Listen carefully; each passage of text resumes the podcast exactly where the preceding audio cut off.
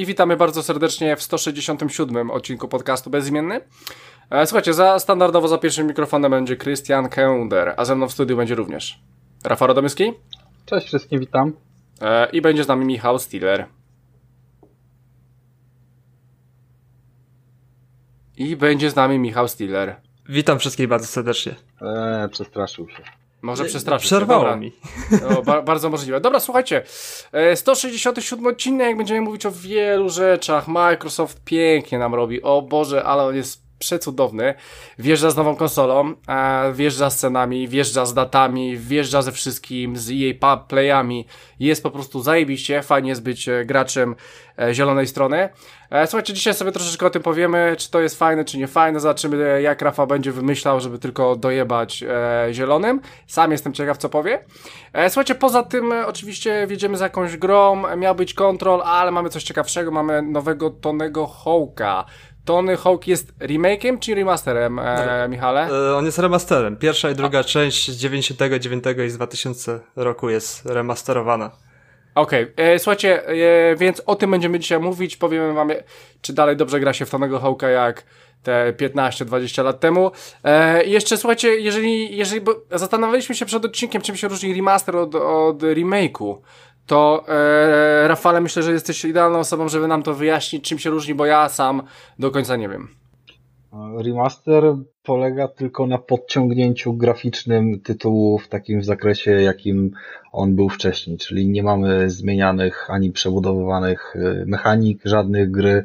Y, No, idealnym przykładem tutaj będą Shadow of the Colossusy czy, czy, czy The Last of Us y, jedynka, które było zremasterowane, God of War trójka i tak dalej, i tak dalej. Yy, Natomiast remake'i to są praktycznie od nowa stworzone gry na yy, podobieństwo, wzór yy, tego, co wyszło wcześniej. No i tego też wychodzi ostatnio bardzo dużo. Ja w gruncie rzeczy chyba bardziej czekam właśnie na, na gry z yy, kategorii remake'ów, no bo jak patrzymy na takiego yy, Residenta yy, dwójkę czy trójkę, który wyszedł, no to on jest no, czerpiąc z oryginału praktycznie zrobioną nową grą i to na bardzo wysokim poziomie, tak? Mieliśmy jeszcze e, w ostatnich czasach choćby mm, choćby Medi, Medieval, który też e, no, zupełnie jakby od oryginału przeszedł e, tak ogromny skok do przodu i dostosowany został e, do, do wszystkich standardów dzisiaj panujących.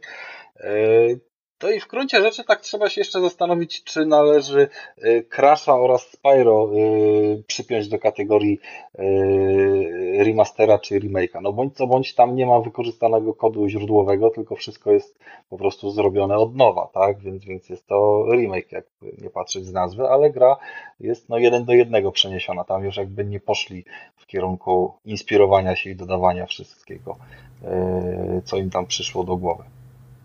No tak, Tyle- dobra. Tyle na ten temat mogę powiedzieć. A, a co my teraz mamy? Mamy Tonego Hołka, tak? U Michała. Tak. Tak. I to jest remake czy remaster? Ta gra jest zrobiona w sumie od nowa, jakby tak patrzeć, od podstaw. Tam nie jest żadna wersja HD, która już się pojawiła kiedyś, więc e, jest to zrobione na nowo wszystko. Ale jest identyczne. E, no, na tych samych zasadach polega, plus jest dorobionych kilka rzeczy, o których później powiem, więc jest... No polega to na tym samym, co, co kiedyś, te 20 lat temu, 21 lat temu, ale y, jest trochę inaczej. Jest, jest lepiej, jest nowo, na nowo. No dobra. dobra. Nie będę pchał się tu teraz na minę remaster remake. Nie no, trzeba coś powiedzieć. No dobrze. Czyli to jest temat główny dzisiejszego odcinka, tak? Michał kończy z nami pierwszy rok y, współpracy. W ten sposób uczcimy to, że będzie główny temat y, oddany właśnie pod jego usta. A, a poza tym e, jeszcze z, ciekawo, z ciekawostek wam e, powiem, drodzy słuchacze, że wyobraźcie sobie 23 września, a nagrywamy 14 e, września, czyli za jakiś ponad troszeczkę tydzień, mija nam 6 lat podcastu. 6 lat podcastu. Bezimienny ma 6 lat. E, grubo. E, więc e, to też ma mały jubileusz e, i słuchajcie, tak, więc będziemy o tym mówić, będziemy mówić o Tomnym Hołku, o różnych dziwnych, fajnych rzeczach, e, więc e, zapraszamy i możemy od razu jechać sobie ładnie z Hyde Parkiem, ze względu na to, że mi, e, Rafał cały czas mówił, to niech powie coś Michał. E, Michale, co tam u Ciebie? E, Wszedł u mnie dokument na Netflixie. e, O do- Boże, chyba ten sam co mój. No, Dlaczego? dawaj. Da Ja nawet no. jednej gry nie mam. Dlaczego? A nie, to robisz? nie ten, dobra, to nie ten, okej. E, dylemat społeczny nazywa się No tak, to dokument. ten, to ten. Myślałem, się że dwa- high, high score myślałem, no dobra, no E, Tego, ten też mam, ale to kto, kto właśnie. pierwszy, ten lepszy. No dobra, dylemat społeczny, no to, no to sobie troszeczkę porozmawiamy. Jak Ci się podobał? E, Trochę byłem przerażony. Zawsze jestem przerażony trochę po, po dokumentach tego typu, bo dokument Dylemat Społeczny przedstawia problem współczesnego świata, w którym są media społecznościowe. I pokazuje ten, ten, ten dokument to, jak media społecznościowe wpływają na nasze codzienne życie i jaka to jest wielka sieć zbierania nasz, y, naszych danych, czyli wszystko, co klikamy, że wszystko tam jest przez tych wszystkich gigantów y, Facebooka, Apple, y, Twittera, Instagram, TikTok chyba był tam wymieniany, Pinterest, że to Wszystko. wszystko, wszystko, wszystko, co istnieje, czy Snapchat i tak dalej, że te wszystkie dane, gdzie tam coś klikamy, nawet YouTube, wszystko jest zbierane i wykorzystywane, żebyśmy po prostu, żeby oni po prostu na tym zarabiali. I fajnie w tym, tym dokumencie jest przedstawione to, że ludzie po prostu są towarem dla tych firm, który daje pieniądze tym firmom, że my jesteśmy po pros- po prostu jako użytkownicy mm, tego towaru. I myślę, że żyjemy w takich czasach, że często się spotyka, spotykamy z tym, i to było też przedstawione w tym dokumencie, że ludzie po, powoli poza smartfonami nie widzą e, świata zewnętrznego. Nie wiem, jak to aktualnie wygląda, nie mam wśród e, w rodzinie i tak dalej e, młodzieży w wieku od, nie wiem, od 10 do 16 lat. Nie wiem, jak ta młodzież aktualnie się posługuje telefonem, czy rzeczywiście jest taki problem, że dzisiaj e, dzieci, dzieciaki poza, poza ekranem telefonu ledwo dostrzegają świat zewnętrzny. Ja takiego problemu nie mam na szczęście. Dla mnie smartfon to jest taka rzecz, która gdzieś tam sobie zawsze leży i, i nie, nie ruszają mnie po prostu powiadomienia, tak jak pokazane było to w tym, w tym dokumencie, że, że firmy starają się za wszelką cenę przykuć uwagę przykuć uwagę użytkownika. E, Okej, sam muszę się przyznać, że się łapię czasem na, na niektórych rzeczach, które mi wyświetla Facebook, ale nie łapię się na tym, że co pię- 15 minut odświeżam sobie Facebooka i gdzieś tam wpadam w tą pułapkę, sieć, w tą sieć e, tych danych podsuwanych pode mnie, czyli, czyli to, co by mi pasowało według tego, co oglądam, żeby podsuwało mi treści.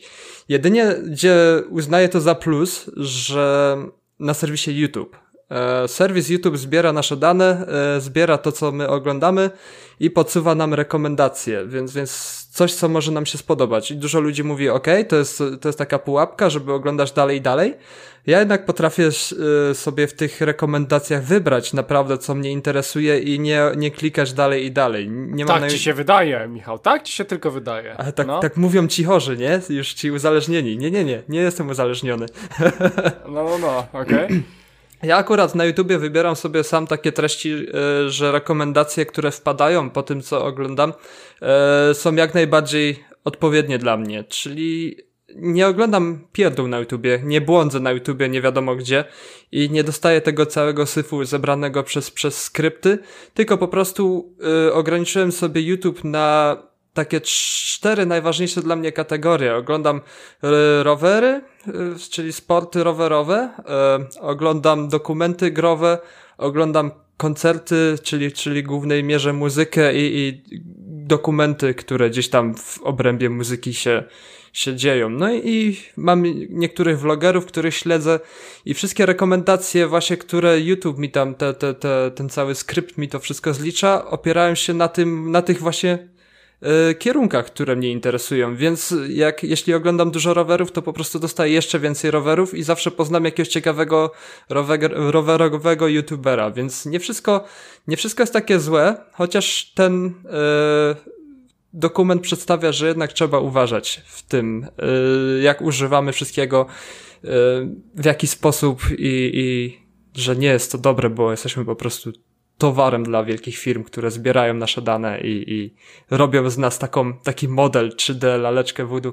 Bardzo fajnie było to przedstawione w tym, e, że każdy, każda osoba na świecie ma takie, takie, takie biuro, e, w którym są trzy osoby i one po prostu sterują tą osobą, tym smartfonem, żeby tą osobę gdzieś tam manipulować cały czas. Bardzo fajnie podobało mi się przedstawienie tego, że jeden młodzieniec tam był w tym dylemacie e, społecznym i tym, tym młodzieńcem, jego smartfonem zarządzało e, trójka panów i oni tam wrzucali cały czas jakieś powiadomienia, żeby go przyciągnąć, że wiedzieli, że e, znajduje się mniej więcej w pobliżu dziewczyny, która mu się podoba, to wrzucali mu na, na feeda tą właśnie dziewczynę, żeby się zainteresował bardziej, żeby sięgnął po ten telefon i żeby po prostu trochę czasu poświęcił, trochę uwagi temu smartfonowi. No i, i, i, ciągnęło się tak za tym, no i jak się, jak się ten, ten, ten dokument kończy, to polecam zerknąć samemu, bo, bo naprawdę jest dobra pozycja. Lubię tego typu dokumenty, yy, głównie przez to, że one otwierają trochę nam oczy.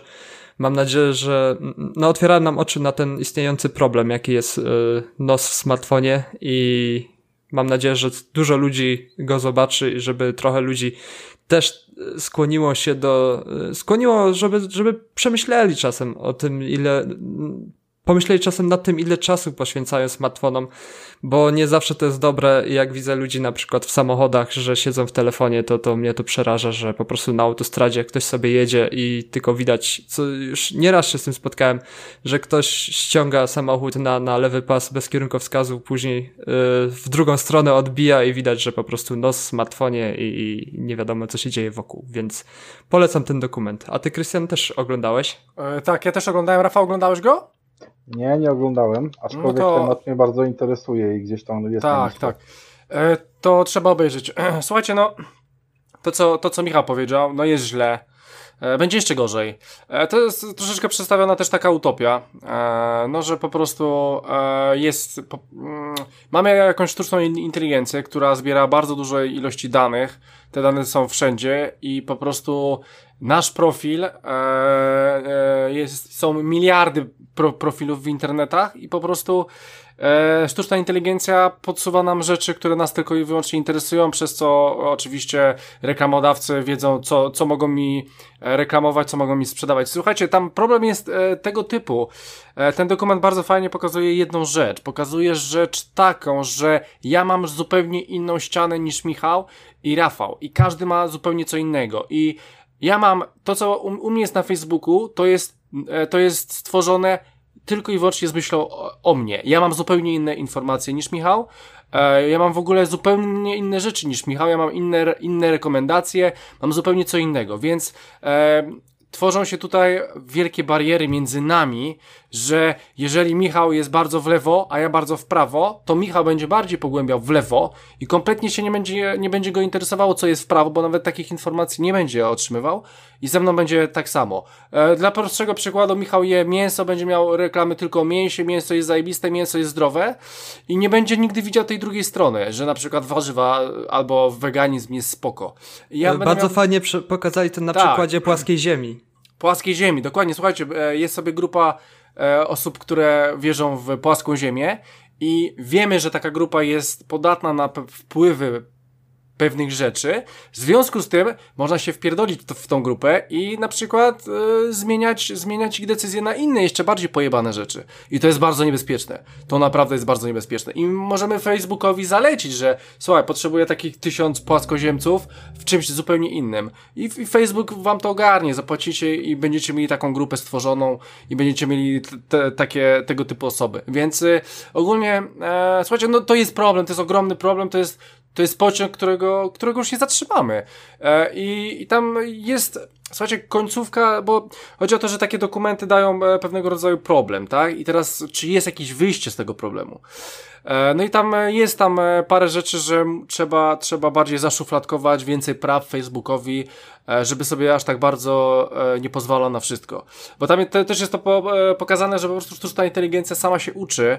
Te wszystkie silniki, które są w, powiedzmy na Facebooku, Twitterze i innych rzeczy, one się same uczą i one po prostu dochodzą do jeszcze wyższych poziomów i ciężko jest w tym momencie je skasować. Wyobrażacie sobie internet bez Facebooka? No nie, no nie ma takiej opcji. Ale też bardzo jest ciężko teraz ograniczyć niektóre rzeczy w tym, żeby e, tych rekomendacji, tego wszystkiego e, nie było tak dużo. I tam w ogóle dokument pokazuje wam też jakieś wojny związane właśnie z, z, ze społecznościowymi rzeczami, wrzutami i tak dalej. E, jest, jest tam, e, tam, Michał, nie wiem czy zauważyłeś, jest, fa jest fajna rzecz, pod koniec e, koleżka mówi, że, e, że co zrobić z dziećmi, bo słuchajcie, no, dzieci mają problem, e, osoby urodzone po 96 roku, e, te osoby mają problem, ze względu na to, że one urodziły się ze smartfonem, tak, i e, większość tutaj moich e, znajomych z rodziny, dzieciaków 10-12 lat, one wszystkie mają smartfony. I, i tam jest wiele takich przy, przy, przy, przykładów, że ktoś ci nie nie, nie zalajkował czegoś, albo nie wiem, twoje zdjęcie profilowe ma tylko, nie wiem, 30 lajków i masz depresję. I jest to, jest to świetnie wytłumaczone. Naprawdę jest to ogromny problem. I jest też tam informacja, co zrobić z takim dzieckiem, e, który, który po prostu no, musi mieć.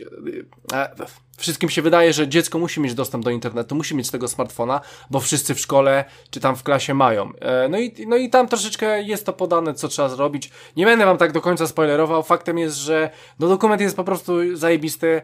E, Netflix robi średnie filmy ale robi zajebiste dokumenty i to jest przykład kolejnego naprawdę świetnego dokumentu. E, no tr trzeba go polecić, trzeba polecić, to jest pozycja obowiązkowa dla każdej osoby, która ma Facebooka. Naprawdę, to jest to. Jest to. E, I tam są tak świetne takie sposoby, nie wiem, nie wchodź e, do sypialni z telefonem. Świetna sprawa. Jest tam wielu, wiele, wiele, wiele wiele po prostu świetnych, dobrych przykładów. No i samo lajkowanie, nie? Trzeba uważać też, co się lajkuje.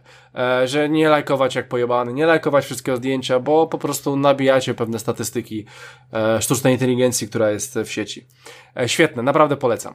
Ostatnio w ogóle mój Facebook zaczął świrować, bo byłem dwa tygodnie w Polsce, więc oczywiście nasłuchiwanie było Facebooka, bo nie jest tajemnicą, że telefony nawet jak sobie leżą, to nas gdzieś tam nasłuchują, co, co już pokazał mi YouTube e, w przypadku muzyki, jakie to było muzyka, e, taka, taka stara muzyka niemiecka, gdzie byłem na, na potańcówce w Niemczech i, i miałem telefon w kieszeni, kolega puszczał muzykę i okazało się, że mój smartfon podłapał to i następnego dnia YouTube mi proponował playlisty niemieckiej Volksmusik, y, tak zwanej.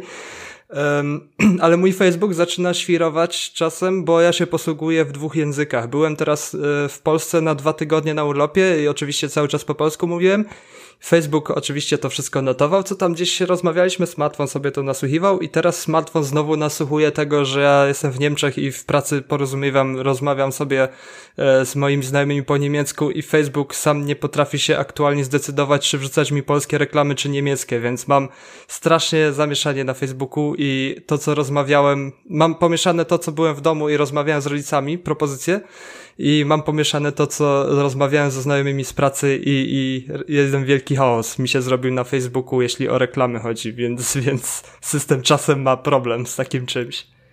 E, ja, ja w ogóle tak sobie pomyślałem, bo ja teraz zmieniłem kompletnie miejsce zamieszkania i to tak 4,5 e, godziny e, drogi samochodem e, e, odległości od siebie, więc ogólnie tych grup, gdzie mieszkałem wcześniej, to ja wszystko to powypierdalałem i zrobiłem sobie taką małą analizę grup, których kompletnie nie potrzebuję i też e, zaczynam je po prostu wywalać, nie?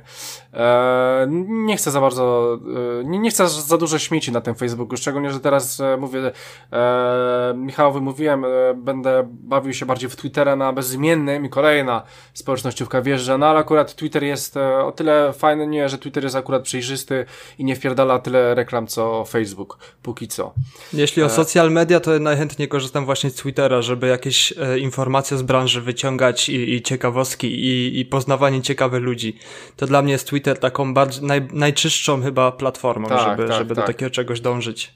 E, dokładnie Twitter, tak. jakby Dobra. nie patrzeć, to, to wiecie, przypina konkretne rzeczy, które śledzisz. Tam jest mniej miejsca na reklamy tego typu, bo tam nie masz feeda, który ci pokazuje, y, co zobaczysz, tylko zasadniczo lecisz no, chronologicznie, tak? To, co jest wrzucone. Nie zawsze, ja mam... nie zawsze. Znaczy tam wiem, komentarze i tak dalej, to, to, to lecą trochę nie w kolejności, ale zasadniczo lecąc po głównym feedzie, to, to on ma iść chronologicznie. E, ja wam tylko jeszcze powiem o tym, bo, bo tak chciałem, żebyście spokojnie dokończyli, ale o dwóch rzeczach ciekawych w kontekście tego, tego całego Filmu? śledzenia nas. No, no. A, no. E, pierwsza jest taka, że śledzenie się odbywa i to chciałbym, żeby po prostu każdy wiedział, bo może ktoś, ktoś tego nie zgłębiał tematu, nie wiem nawet czy w tym dokumencie to jest powiedziane, ale śledzenie nas odbywa się E, nie tylko poprzez to, że jesteśmy zalogowani w koncie Google'a i sobie chodzimy po przeglądarce albo e, po Facebooku, gdzieś tam jest to powiązane z jakimś loginem, bo to się wydaje oczywiste. No dobra, tak, Facebook wie, co oglądałem, bo jestem tam powiedzmy zalogowany właśnie przez Facebooka. Natomiast wiele stron, tak, w tym oczywiście te wszystkie główne, rozpoznają nasze urządzenia, tak, nasze urządzenia pod kątem y, konkretnych parametrów, czyli nawet wchodząc y, w trybie incognito, tak, wiemy, że to urządzenie w tej lokalizacji pod tą siecią Wi-Fi y, to prawdopodobnie jest y, Krystian albo Michał, tak? I, oni to wiedzą. I to możecie zobaczyć nawet wchodząc na niektóre y, strony trybie incognito, że mimo to niektóre, niektóre jakby strony podrzucą Wam wciąż reklamy spersonalizowane, pomimo, że jesteście teoretycznie nigdzie nie zalogowani. To jest jakby jedna z rzeczy, a druga z rzeczy jest taka, że yy, to już nie tylko Facebook, yy, Google i, i, i, te takie amerykańskie demony, o których tu rozmawiamy, mm, wykorzystuje to pełne śledzenie, a byłem też świadkiem, mm, jak ostatnio kupowałem jakiś czas temu, chyba, chyba właśnie jak laptopa kupowałem w pewnej sieci yy, sklepów, które zawsze mają najniższe ceny ponoć. Pozdrawiamy Tomka. Yy, podczas logowania się jakoś tam, żeby wystawić zlecenie, czy, czy żeby pobrać jakieś e, dane, nieważne, w każdym razie zapytał się mnie e, facet o, o, o login, czy ja mam konto. No i numer telefonu mój wpisał podczas e, generowania zamówienia. Mm, przez co z poziomu tego jakby obsługowego sklepu od razu wszedł na moje konto które ja mam założone, bo tam zamówiłem raz czy drugi coś, żeby przywieźli do sklepu kiedyś. No chyba każdy z nas to robił. W tych przynajmniej tutaj polskich sklepach jest to bardzo wygodny sposób dostawy czegoś do, do domu. I oni wszystko wiedzieli. Na panelu, który przez ramię mu zajrzałem, jak y, sobie wszedł na moje konto, on widział wszystko na zasadzie, był taki paseczek, tak jakby wszedł, wiecie, na cudzego Facebooka. Co ostatnio oglądał, na czym spędził najwięcej czasu, jakie kategorie sprzętów y, zakupił u nas, nie? I tak dalej, że tam najczęściej kupuje w kategorii gry wiecie, normalnie profil klienta z punktu widzenia sklepowego, więc teoretycznie taki pracownik sobie wchodzi i od razu też widzi, aha, czyli ten klient to tak nie przyszedł tu przy okazji, tylko on zasadniczo ma już to, to i to, może bym mu zaoferował jeszcze to, to i to wcisnął i tak dalej. No, ogólnie rzecz biorąc, takie rzeczy się dzieją nie tylko w Stanach, ale już normalnie jest to nasza szara codzienność, nie? E, szczególnie, że dla takiej małej firmy w sumie, znaczy małej firmy, no małej w, w skali globalnej, e, jakim jest e, ten Media Expert, tak? Bo to, to, to chyba jest, tak? Tak. Rafale. Mhm. No, więc e, to też jest dziwne. Dobra, słuchajcie, to tyle. E, naprawdę polecamy wam ten dokument Rewelacja. A jeszcze ciekawostkę mam. O. Aha, no dobra, no to leć. Mój starszy brat jest informatykiem i e, jak się myśli informatyk, to jest biegły w dziedzinie smartfonów i social mediów i tak dalej. I wyobraźcie sobie, mój brat nie ma smartfona, jest szczęśliwy. Ma zwyczajny telefon stary na, na klawisze i, i mu to wystarcza. Więc da się? Da się. Tak jak mhm. ginekolog bez żony. Tak. No, mniej więcej. E, dobra, słuchajcie, więc dylemat społeczny jak najbardziej polecamy. E, e, dokument jest na Netflixie, więc możecie jechać. Słuchajcie, ja, ja przejadę, wiecie co, dużo filmów strasznie e, oglądałem ostatnio. W ogóle byłem w kinie. Kiedy byliście ostatnio raz, raz w kinie? Słucham? O Boże. Z, w zeszłym roku? Okej, okay, właśnie, więc słuchajcie, ja byłem w kinie, no ze względu na to, e, tak myślałem, żeby iść tam tego Teneta, nie? Ale tak czytałem, że jednak e, Christopher Nolan, no, no, no to trochę przy prze, przeorał strasznie, prze, prze, przesadził z tym filmem, więc pomyślałem sobie, no na te efekty mogłem iść, ale olałem to. I słuchajcie, u mnie w, pol, w angielskim kinie był film Zieja, e, polski film. E, będę wam po prostu mówił, że film jest w porządku, ale bez szału, więc e, więcej o nim nie powiem. Faktem jest, że byłem w kinie i naprawdę, słuchajcie, jest, było sześć osób w kinie, żeby usiąść, to wszystko spoko. Dwie, musiałem mieć ogólnie przerwy dwie, e, dwu, dwa krzesła z lewej i z prawej strony, tak? Więc mogłem sobie kurtki położyć, wszystko super. Musiałeś mieć maskę też założoną? Nie, nie, nie, nie. Jak wchodziłem do kina, raczej tak. Nie, chyba nawet nie. Nie, nie, nie. Chociaż chyba wziąłem tą maskę. Wziąłem maskę, dostałem bilet, e, wydrukowałem sobie w sumie, jak już tak dochodziłem do sali, to już zdjąłem i wszedłem do sali bez. E, słuchajcie, mm, więc ogólnie kina coś tam robią, działają. Mówię, polski film obejrzałem. A słuchajcie, przejadę przez dwa filmy dosyć szybko. E, e, e, przejadę przez, przede wszystkim obejrzałem w końcu e, Harley Quinn, czyli Ptaki Nocy i fantastyczna emancypacja e, pewnej Harley Quinn. Słuchajcie, no poza nią i choreografia walk bardzo mi się podobała. Naprawdę było to świetnie zrobione. No ten film jest słaby, nie? Ale fajnie jest obejrzeć ten film tylko i wyłącznie dla, dla, e, dla niej i, i po prostu e, tego, jak ona walczy i jak to jest wszystko fajnie zrobione, bo akurat mi się to podobało. E, zawsze zwracam dużą uwagę na choreografię walk, właśnie w Daredevil na przykład i tutaj też było to świetnie wykonane. E, więc słuchajcie, to sobie obejrzałem, e, no fajna, e, Harley Quinn jest świetna i słuchajcie, obejrzałem sobie też Króla Lwa nowego. Ja w ogóle byłem w kinie, na starym. E, w kinie byłem na starym, kiedy on był w kinie, więc w 94 roku byłem na Królu Lwie w kinie. Więc ogólnie mam, mam do niego dosyć spory taki sentyment, taką nostalgię i słuchajcie, byłem sobie na tym nowym, znaczy ten nowy sobie obejrzałem, on był na HBO, już go nie ma niestety. I wyobraźcie sobie, że to jest naprawdę bardzo fajny film. tylko, że są dwie, dwie takie rzeczy, które które mogą boleć, nie boleć. Pierwsza rzecz to jest taka, że to jest kalka jeden do jednego. Słuchajcie, są te same piosenki. Chyba jest jedna nowa piosenka w tym nowym, a tak to są te same piosenki. Oczywiście śpiewają je e, inne osoby, e, wiadomo. E, więc, e, więc to jest dobre i niedobre. No ja oglądałem to, więc ja wiedziałem dokładnie, co tam się wydarzy, więc Eee, nie zrobiło to na mnie takiego wrażenia jak e, stary film. Stara bajka, szczególnie, że w tym momencie, w którym się ryczy i wszyscy ryczą, no to tu już, tu już po prostu wiedziałem, co się stanie i, i w sumie stało się tak samo, więc no jakoś tak, e, no jednak, jednak ten sentyment e, e, nie przeszedł teraz na, na ten nowy film, no i, no i niestety czegoś mi zabrakło. Słuchajcie, druga rzecz to jest taka, że ten Król Lew, no niby bajka, niby dla dzieci, ale powiem wam, że jest zrobiony dosyć hardkorowo. hardkorowo mam na myśli tutaj, że jest w ciemnych barwach, że jest zrobiony tak trochę jakbyście oglądali dokument na National Geographic.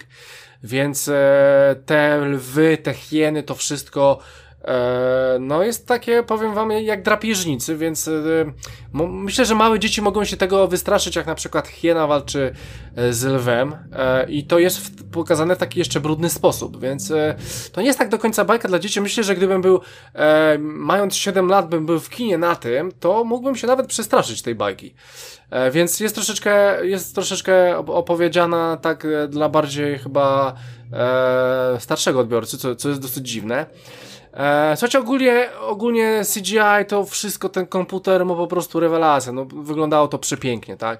Wyglądało to naprawdę przepięknie. E, więc e, słuchajcie, ogólnie ten film Królew jest dla osób, które po prostu e, dali dziesiątkę staremu królu, królu lwie. Jeżeli nie, to nie, nie musicie tego oglądać, bo mówię, bo to, to jest jeden do jednego. Tam kompletnie się nic nie zmieniło. Mogliby dać coś innego, ale, ale nie. No chyba też, że chcecie zobaczyć, jak to wszystko fajnie wygląda, bo wygląda to naprawdę fajnie, to można jeszcze ewentualnie zobaczyć. Ale tak, e, osoba, która dała ósemkę starej bajce, to nie, nie, niech w ogóle oleje, nikt do tego nie podchodzi, szkoda jego czasu. E, dobra, to tyle chciałem na razie powiedzieć. Rafale, co tam u ciebie? O Boże, teraz do mnie doszliście. No nic, gram w Ori. Nawet teraz. Eee, Pierwszą część Ori. W drugą. Pierwszą już e, drugą. skończyłem, drugą czyszczę, bo, bo mówię, a, nie, a nie chciałeś a, a nie chciałeś sobie, Rafale, zostawić tego Ori tak jak ja na nowego Xboxa, żeby zagrać w 4K i większej ilości klatek? Wiesz co? Pewnie i zagram i tak, bo faktycznie on tutaj nie wygląda zbyt ładnie, ale idąc tym, tym tropem, to podejrzewam, że wiele, wiele gier e, zagram w ich lepszych wersjach. I co ciekawe, no Xbox, yy, Xbox coś tam zaprezentował nowego, tak? Będziemy o tym gadać. Tak, tak, to, to jeszcze nie teraz, jeszcze nie teraz, Rafał. Doj, dojdziemy do tego. Oczywiście. jednak yy, po co, po co sobie zostawiać gdzieś tam takie rzeczy? Nie? No, będę się wściekał pod 4K, to wystarczy tak naprawdę One X mm, obecnej generacji. I, I on już wtedy sobie chodzi w 4K, nie? Jeżeli chodzi o kolejną generację, tak naprawdę tutaj 120 FPS-ów jest obiecane, a 120 FPS-ów, jak wiemy, nie zagramy w Krystianie, więc, więc po co się wkurwiać, nie? Tak, tak, Ale ja tak. myślę, że te 60. E... Słuchaj, dla mnie, dla mnie samo to 4K to już będzie wow. Później będzie ray tracing double O i jeszcze będzie e, 60 klatek, to już w ogóle masakra. Yy Pewnie tak. Ogólnie po poprawkach, bo Ori było zryte na początku, tak? I dużo źle działało wejść, podobno. Źle działało. źle działało. Teraz działa dużo lepiej po, po tych wszystkich paczach. Yy, powiedzmy raz na 10 razy odpalenie mapy to trwa jakąś taką sekundę czy dwie, ale, yy, ale zwykle się dzieje wszystko szybko i jakby w trakcie gry nic nie zwalnia. Ona jest płynna. Ona jest bardzo kolorowa.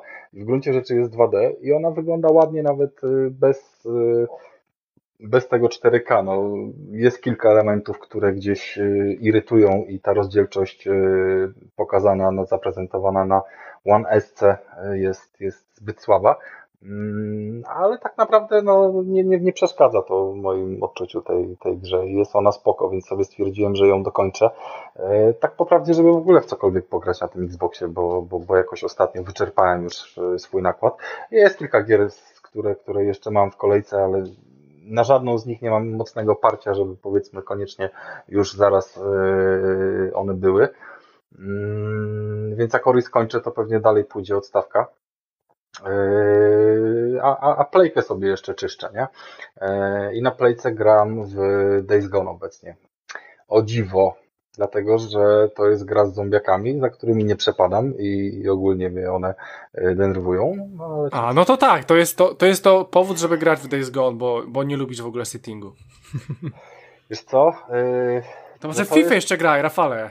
Może Słuchaj, to jakby nie patrzeć, to jest y, dobra gra w szerokim ujęciu i, i, i mocno ogólnie dostępna po, po niedużych cenach, więc stwierdziłem, że warto będzie zobaczyć. E, mhm. W razie czego był plan taki, że jak mi będzie odrzucała, to ją sprzedam, ale to jest gra o settingu nie tak bardzo horrorowym, tak? Ona ma swoje momenty, ale, ale no nie, nie, nie no są okay. te, tych momentów nie jest dużo. Tam powiedzmy, wiesz, wyskoczy czasem coś z bagażnika, albo ogólnie jakaś jest taka, wiesz, e, no, śmierdząco brudny klimat, ale ogólnie to jest y, open world z jakimiś tam przeciwnikami i stwierdziłem, że no czemu by nie spróbować.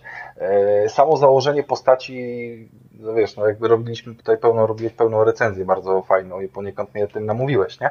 Mhm. Ale tutaj da się odczuć, że to nie jest tak naprawdę mocno gra survivorowa, tak? Tu, tu masz, wiesz, no niby zbierasz jakieś tam części, jakieś, yy, jakieś paliwo, jakąś amunicję, ale tak naprawdę zawsze masz tą amunicję i zawsze możesz się z kimś ponapieprzać, yy, więc, więc nie ma tego elementu, że zombiaków jest dużo, a ty jesteś sam jedyny i, i słaby, bo, bo albo masz motor, albo masz jakiś sposób na to, żeby ich rozwalić i ogólnie postawa głównego bohatera cały czas mówi, że rozpierdolmy ich trochę, nie? Więc przy takim założeniu można pograć. No i jakby mm, też muszę tutaj zwrócić uwagę na jedną rzecz i za pierwszym moim podejściem, tak mówię na samym początku, pierwsza misja dosłownie, e, nie czułem się do końca komfortowo, mm, właśnie przez, przez e, uwagę na to, że nie za bardzo wiedziałem, co zaraz mnie tam spotka i, i tak dalej. E, wiadomo, że z każdą grą się też oswajamy dosyć szybko i powiedzmy wiemy, co, co tam może na nas czekać za rogiem, czym nas może ta gra zaskoczyć. E, natomiast grając na soundbarze i no raczej nie korzystając tam z ustawień cały czas na, na, na maksa głośność i tak dalej, bo, bo zawsze coś gdzieś tam przeszkadza, e, nie słyszałem za wiele rzeczy, które były istotne. A ostatnio sobie zrobiłem właśnie dwie sesje e, na headsetie. Tak naprawdę nigdy nie grałem na headsetie. Mm, sięgnąłem po, po headset e, po, po długich namysłach i walkach z różnymi tam porównaniami na headset od Sony e, w wersji Gold, nie ten Platinum. I no skoro i tak tam planowałem pod piątkę niedługo, żeby wiesz, że, że headseta będzie trzeba popróbować, może to się coś przyda, to, yy, to zobaczymy jak to działa. I tam naprawdę bardzo dobrze się spisuje ten dźwięk symulowany 7.1, yy, który, który Playka jest w stanie jakoś tam wygenerować i, i są te ustawienia. I jakby gra na headsetie yy, naprawdę dała pełne poczucie kontroli nad sytuacją. Jakby chodząc sobie po jakimś tam, mm, po jakiejś tam przestrzeni, doskonale czułem, wiedziałem, słyszałem, że tam gdzieś jest sobie jeszcze jeden stworek, pomimo, że na mapie mi go nie pokazywało w żaden sposób.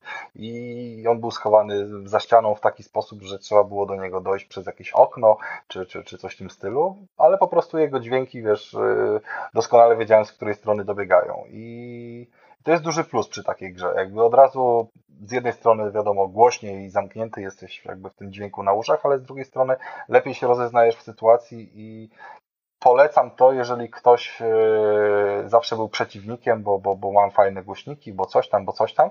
E, zawsze byłem w sumie przeciwnikiem headsetów, lepiej żeby subwoofer, żeby głośniki, żeby soundbary grały, ale to jednak potrafi się sprawdzić i do niektórych gier być dobrym rozwiązaniem, więc e, w Days Gone na pewno będę grał właśnie sobie na słuchaweczkach i zobaczymy, co będzie dalej.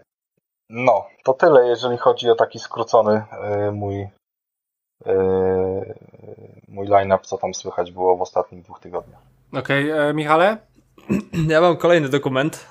O proszę, może highscore teraz. To highscore teraz. Aha, ale Oczywiście. Kurczę. No wiem, no co tam? Nabrało się tych dokumentów ostatnio na, na tym Netflixie i sięgałem je, jeden za drugim. E, highscore. E, bardzo fajna pozycja dla fanów gier, czyli dla wszystkich naszych słuchaczy na pewno.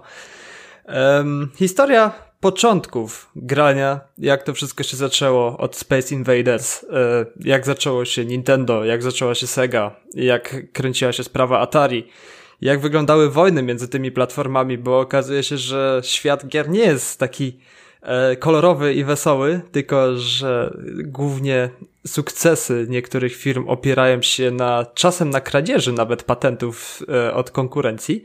I tak powstało naprawdę wiele produkcji i wiele patentów, które mamy w grach nawet do dziś, e, co było fajnie zobaczyć. Mimo, że, że my jesteśmy graczami, którzy wiedzą bardzo dużo o tym, jak funkcjonuje branża, od czego się wszystko zaczęło, jak wszystko się rozwijało, to myślę, że nie dowiemy się e, wiele jako fani branży, którzy, którzy to śledzą. Nie, nie, nie dowiemy się wiele od tego dokumentu, ale ten dokument fajnie przedstawia to, jak to wszystko funkcjonuje dla ludzi, którzy gdzieś tam grają w gry i są zainteresowani tym, jak to się wszystko zaczęło. I to jest bardzo fajnie przedstawione, z fajnymi animacjami, z fajnymi wywiadami. Początki nawet e-sportu, że tak powiem, były przedstawione w tym, że, że różne turnieje Nintendo, na które zjeżdżali się ludzie w całej Ameryce, że, żeby kibicować po prostu graczom, który, którzy grali na Nintendo, czy, czy na Sedze w tego, w Sonika. Więc to było dla mnie niesamowite. Nie wiedziałem, że, że już w takim, na takim poziomie, kiedy to wszystko powstawało, że już gdzieś tam ta rywalizacja w tych grach y, trwała. To jeszcze było nawet przed, przed erą gier multiplayer, ale to też było już przedstawione powoli multiplayer, bo przedstawione były też w tym, tym serialu powstania takich wielkich gigantów jak ID Software, gdzie, gdzie duet John Carmack i, i John Romero, którzy stworzyli Wolfensteina i stworzyli Duma, gdzie, gdzie po prostu zrobili tą wielką markę i poniekąd stworzyli e, tryb multiplayer w grach w Dumie i w Quake'u. Tak samo powiedzieli, jak powstała firma EA, E, gdzie, gdzie zaczynało się od Madden i dowiedziałem się w końcu, dlaczego seria futbolowa, futbolu amerykańskiego ma przydomek Madden, bo, bo...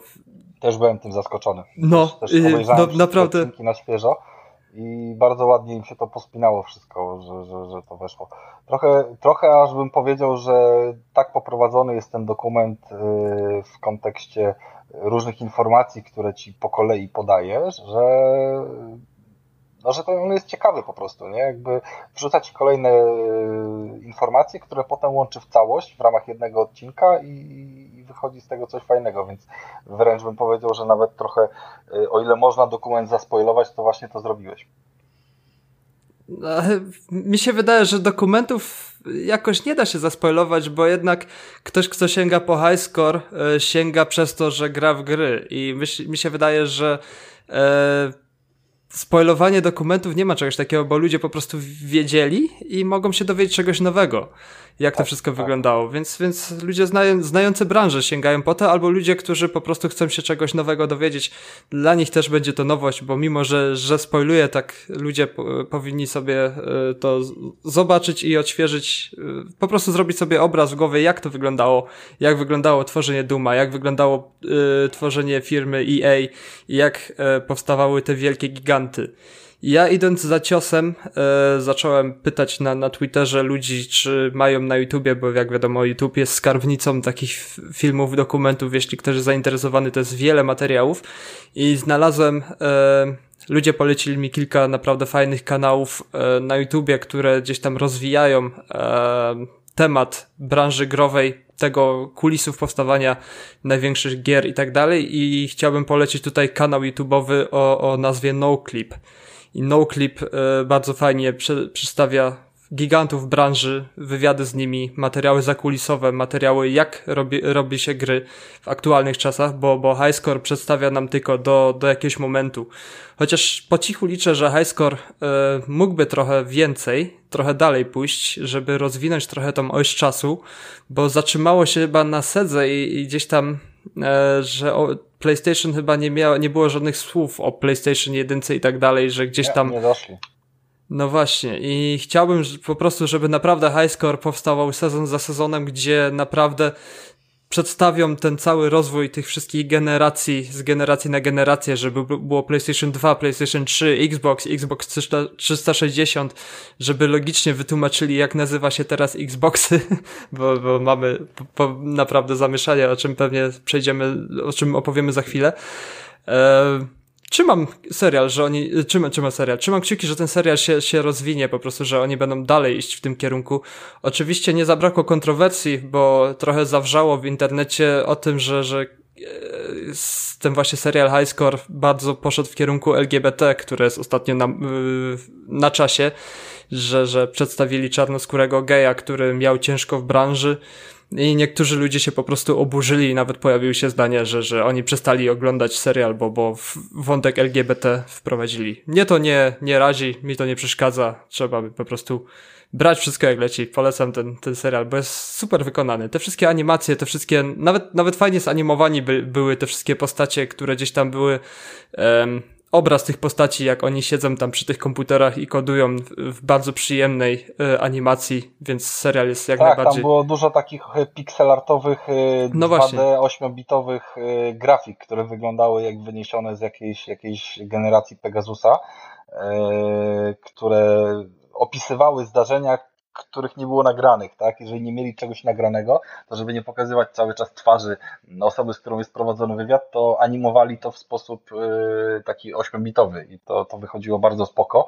Mm, bardzo fajnie to było y, sobie na to popatrzeć i, i w takim humorystycznym aspekcie.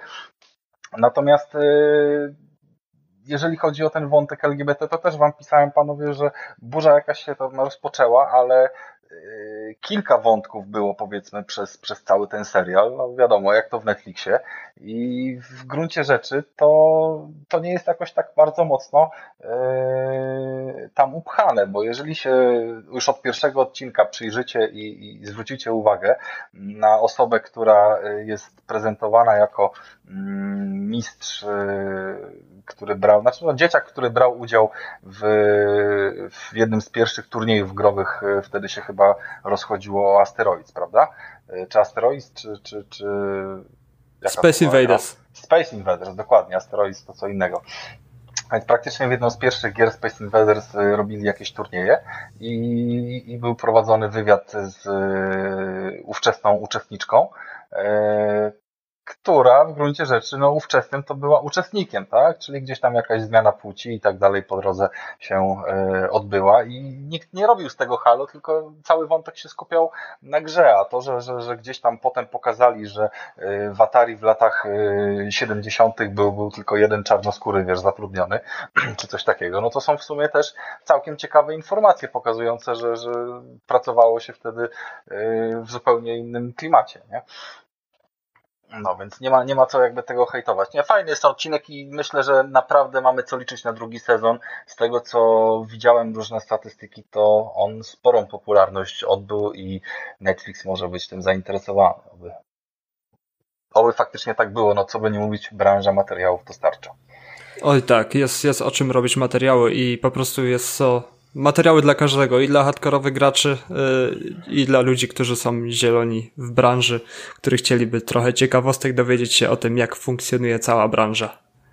Okej. Okay. E, słuchajcie, to to na Netflixie ja jeszcze przeskoczę przez dwa filmy. Pierwsza rzecz to, słuchajcie, na, na Netflixie mnie to tam zawsze interesuje. Macie niektóre rzeczy z, z interakcją, tak? Możecie wybierać, jak mają losy się potoczyć. I tak sobie wziąłem, bo trwało tylko to 20 minut. E, dzieciak rządzi, złapać Bobasa, wziąłem sobie to.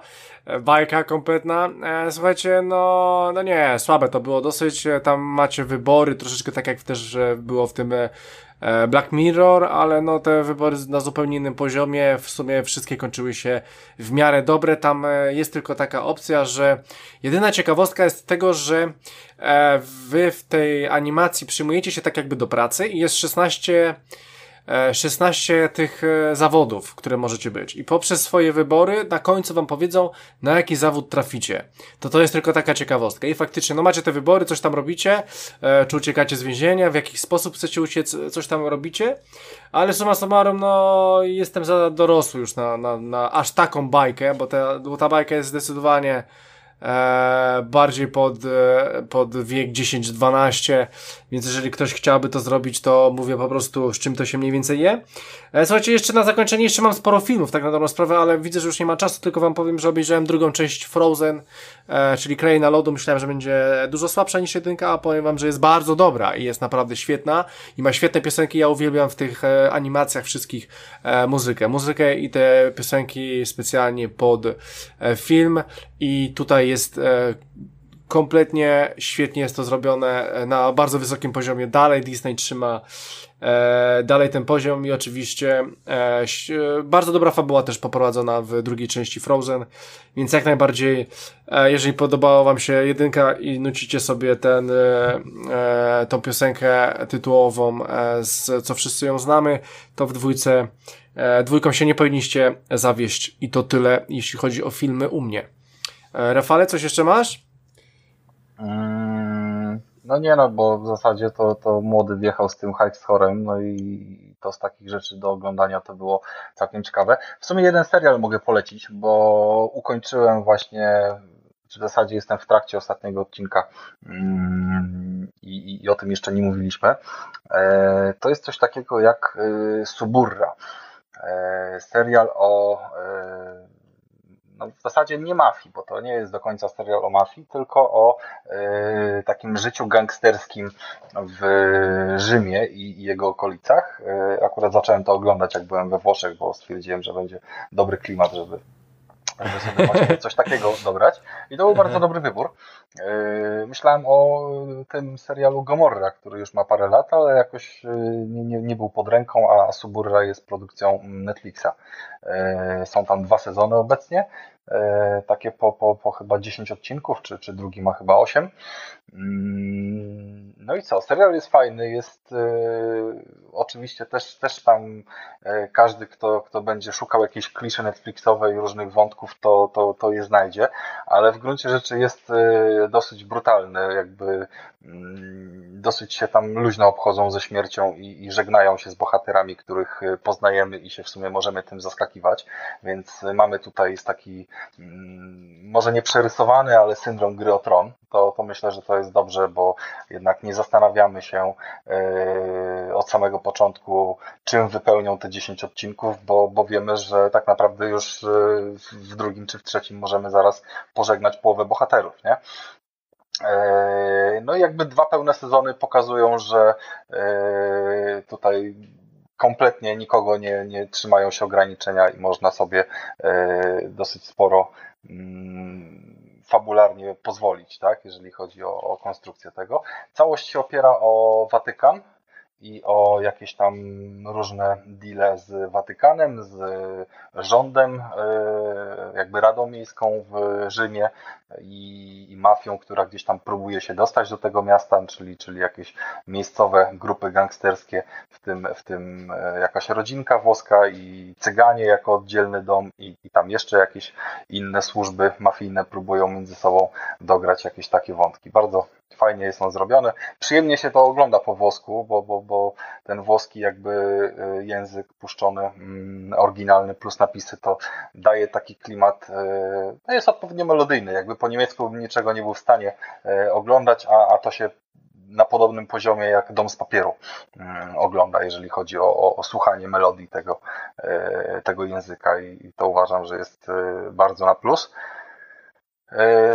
No i cóż, no obejrzyjcie, obejrzyjcie, bo uważam, że warto. Jeżeli chodzi o seriale takie, które nie męczą i, i, i wciągają na dłużej, to, to Subura jest, jest jednym z nich i myślę, że też będzie miała jakąś kontynuację e, tego, co, co już nakręcili, nie? No bo jakby jest tak poprowadzony wątek.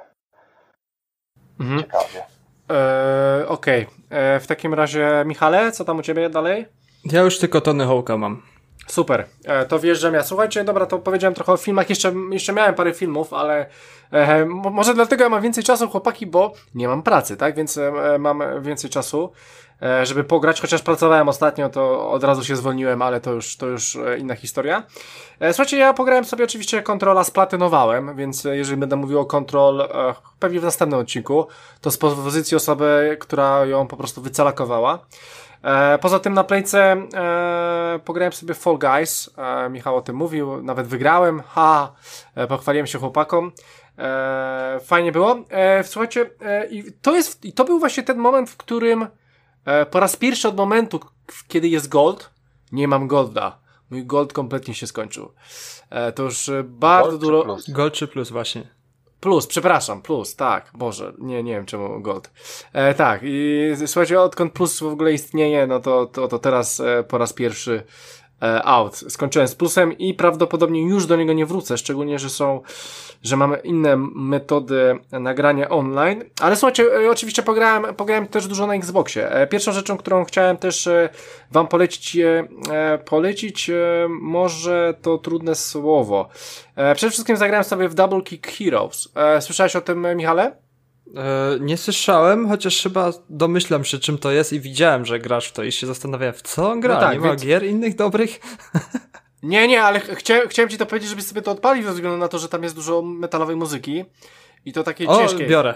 E, I to takie, no dlatego mówię, i to takiej ciężkiej metalowej muzyki. Słuchajcie, gra jest po prostu banalna. Jedzie się samochodem, e, w którym po prostu w waszym wielkim Cadillacu jest, są cztery osoby i grają, grają i po lewej, i po prostu cały czas jedziecie, po lewej stronie pojawiają się zombiaki, trzeba do nich strzelać. Strzela się tak jak leci muzyka, na dole macie nutkę i, e, i trzeba nacisnąć pewien guzik i po prostu leci strzał. Później, później tych nutek jest coraz więcej, jest to bardziej skomplikowane. E, grafika jest w 2D, w pixel arcie, e, to akurat nie ma znaczenia, bo jest fajna muzyka jest w ogóle muzyka po niemiecku. Pierwsze co słyszałem, o Boże, Rammstein, ale no nie jest Rammstein, bo nie mają takiej, e, takiej, e, mm, takiej, że tak powiem, e, no, licencji na, na tego typu zespoły. Faktem jest, że gra jest dosyć trudna i ma dosyć mocną muzykę metalową też. Więc e, możesz sobie, Michale, zobaczyć, bo ja lubię e, gry muzyczne, więc e, to było, to było dosyć e, fajne doświadczenie. A to jest gdzieś w plusie, czy, czy... Tak, to jest w Game Passie. W Game Passie double... A w Game Passie? Tak, Double Kick Heroes. To wyszło chyba tydzień, dwa czy trzy tygodnie temu weszło do Game Passa. Ściągnąłem sobie, bo lubię gry muzyczne, a to jest gra muzyczna. Spoko. E, więc sobie zobacz, słuchajcie, Stranger Things 3, e, odpaliłem sobie, ta gra wygląda jak na telefonie, wiadomo, to jest kontynuacja. Słuchajcie, trójka co do Joty, co do jednego. Jeżeli, jeżeli pamiętacie, jak Stranger Things trzeci sezon, e, co tam się działo, to historia będzie podobna. Więc mamy też pixel art, chodzimy sobie, e, mamy jedną z dziesięciu postaci. Te postacie możemy odblokować, na początku są tylko dwie. Chodzimy sobie w dwójkę w sumie i robimy różne fajne rzeczy. Przynieś mi to, zrób mi to, e, zanieś mi to. E, bardzo fajna opcja jest, bo można grać lokalnie na jednej konsoli i to polecam na przykład e, do Rafała albo do innych osób. Ale ja e, grałem w to już. E, lokalnie? Na PC nie, nie, jeszcze na dwie osoby nie, aczkolwiek tam się cały czas chodzi dwoma osobami, nie? Grałem sobie. Tak, tak, tak. Ale na to... PC akurat grałem, ale widziałem, że to wjechało też ostatnio na Xboxie. Tak, wjechał, wjechał na Xboxie, słuchajcie, i, może, i naprawdę bardzo przyjemnie się gra w dwie osoby e, na podzielonym ekranie, więc e, jak najbardziej polecam to, bo to jest przyjemna gra e, w tym klimacie. Jeżeli lubicie serial, to będziecie się dobrze bawić e, samą grą, a to jeszcze e, klimat, muzyka i to wszystko daje radę. E, słuchajcie, chcę jeszcze powiedzieć e, Fracture Minds, e, też Rafale skończyłem, ale nie będę o tym więcej mówił, Rafał o tym kiedyś powiedział. Słuchajcie, jeszcze dwie rzeczy, o dwóch grach chciałem powiedzieć. Zacząłem No Here Prophet. No Here Prophet, słuchajcie, to jest karcianka, które bardzo lubię. Ustawiacie swoje karty na planszy i robicie różne fajne rzeczy. Eee, Fajne to jest, bo to chyba jest jakimś roguelike'iem, ale gram już 4 godziny e, i jeszcze nie zginąłem, a można to zapisywać, więc do końca nie wiem. Życie mi spada, muszę się regenerować swoją główną postać, plus jeszcze karty. Karty możecie mieć zniszczone i tak dalej. Tam jest dosyć fajny system tego, ale nie wiem do końca, że to jest roguelike, bo jeszcze nie zginąłem, ale chyba na to wygląda. E, faktem jest, że bardzo fajna karcianka z bardzo fajnym e, kombosem, zbieracie różne przedmioty, możecie ubierać swoją postać. Dzięki temu na planszy dostajecie jak, jakąś fajną zdolność. E, poza tym, e, no oczywiście ma, macie na ręku stwory, robicie sobie tą talię, dodajecie sobie stwory, odejmujecie, co turę wchodzicie i po prostu te stwory atakują e, planszę przeciwnika i, i o, o, oczywiście też przeciwnika jego stwory.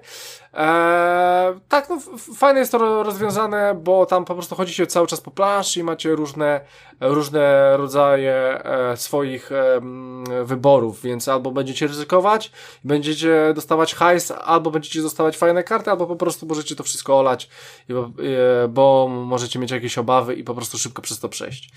E, więc e, słuchajcie, jeżeli lubicie e, karcianki, tak jak ja, Magic the Gathering, Hearthstone, nie lubię, ale, ale jeżeli wy lubicie, czy nie wiem, chociażby Gwinta, możecie spróbować sobie Nowhere, Prophet, bardzo fajny klimat, bo to jest taki klimat drony, taki trochę cyberpunkowy, post-apo, bardziej bym tak powiedział, więc ogólnie klimat karcianki jest fajny. No ale to dla osób, które lubią karcianki, naprawdę polecam, bo nawet się wciągnąłem.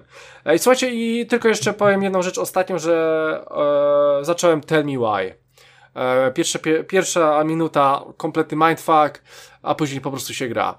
E, no, na razie dużo tej grze nie powiem, poza tym, że, że jest ładniejsza niż Life is Strange i wydaje się, że historia będzie również dobra. Ale tego niestety nie wiem, bo dopiero zacząłem grać. E, I w sumie kompletnie tyle, jeśli chodzi o mnie. E, Rafale, coś ty jeszcze masz? Wiesz co, no taki tam rzecz, że dotykałem czegoś, wiesz, tak jak i ty, tego Tell Me Why czy coś, to, to, to no to dotykałem, no i co, no. Aha, ty, ty świntowo, no.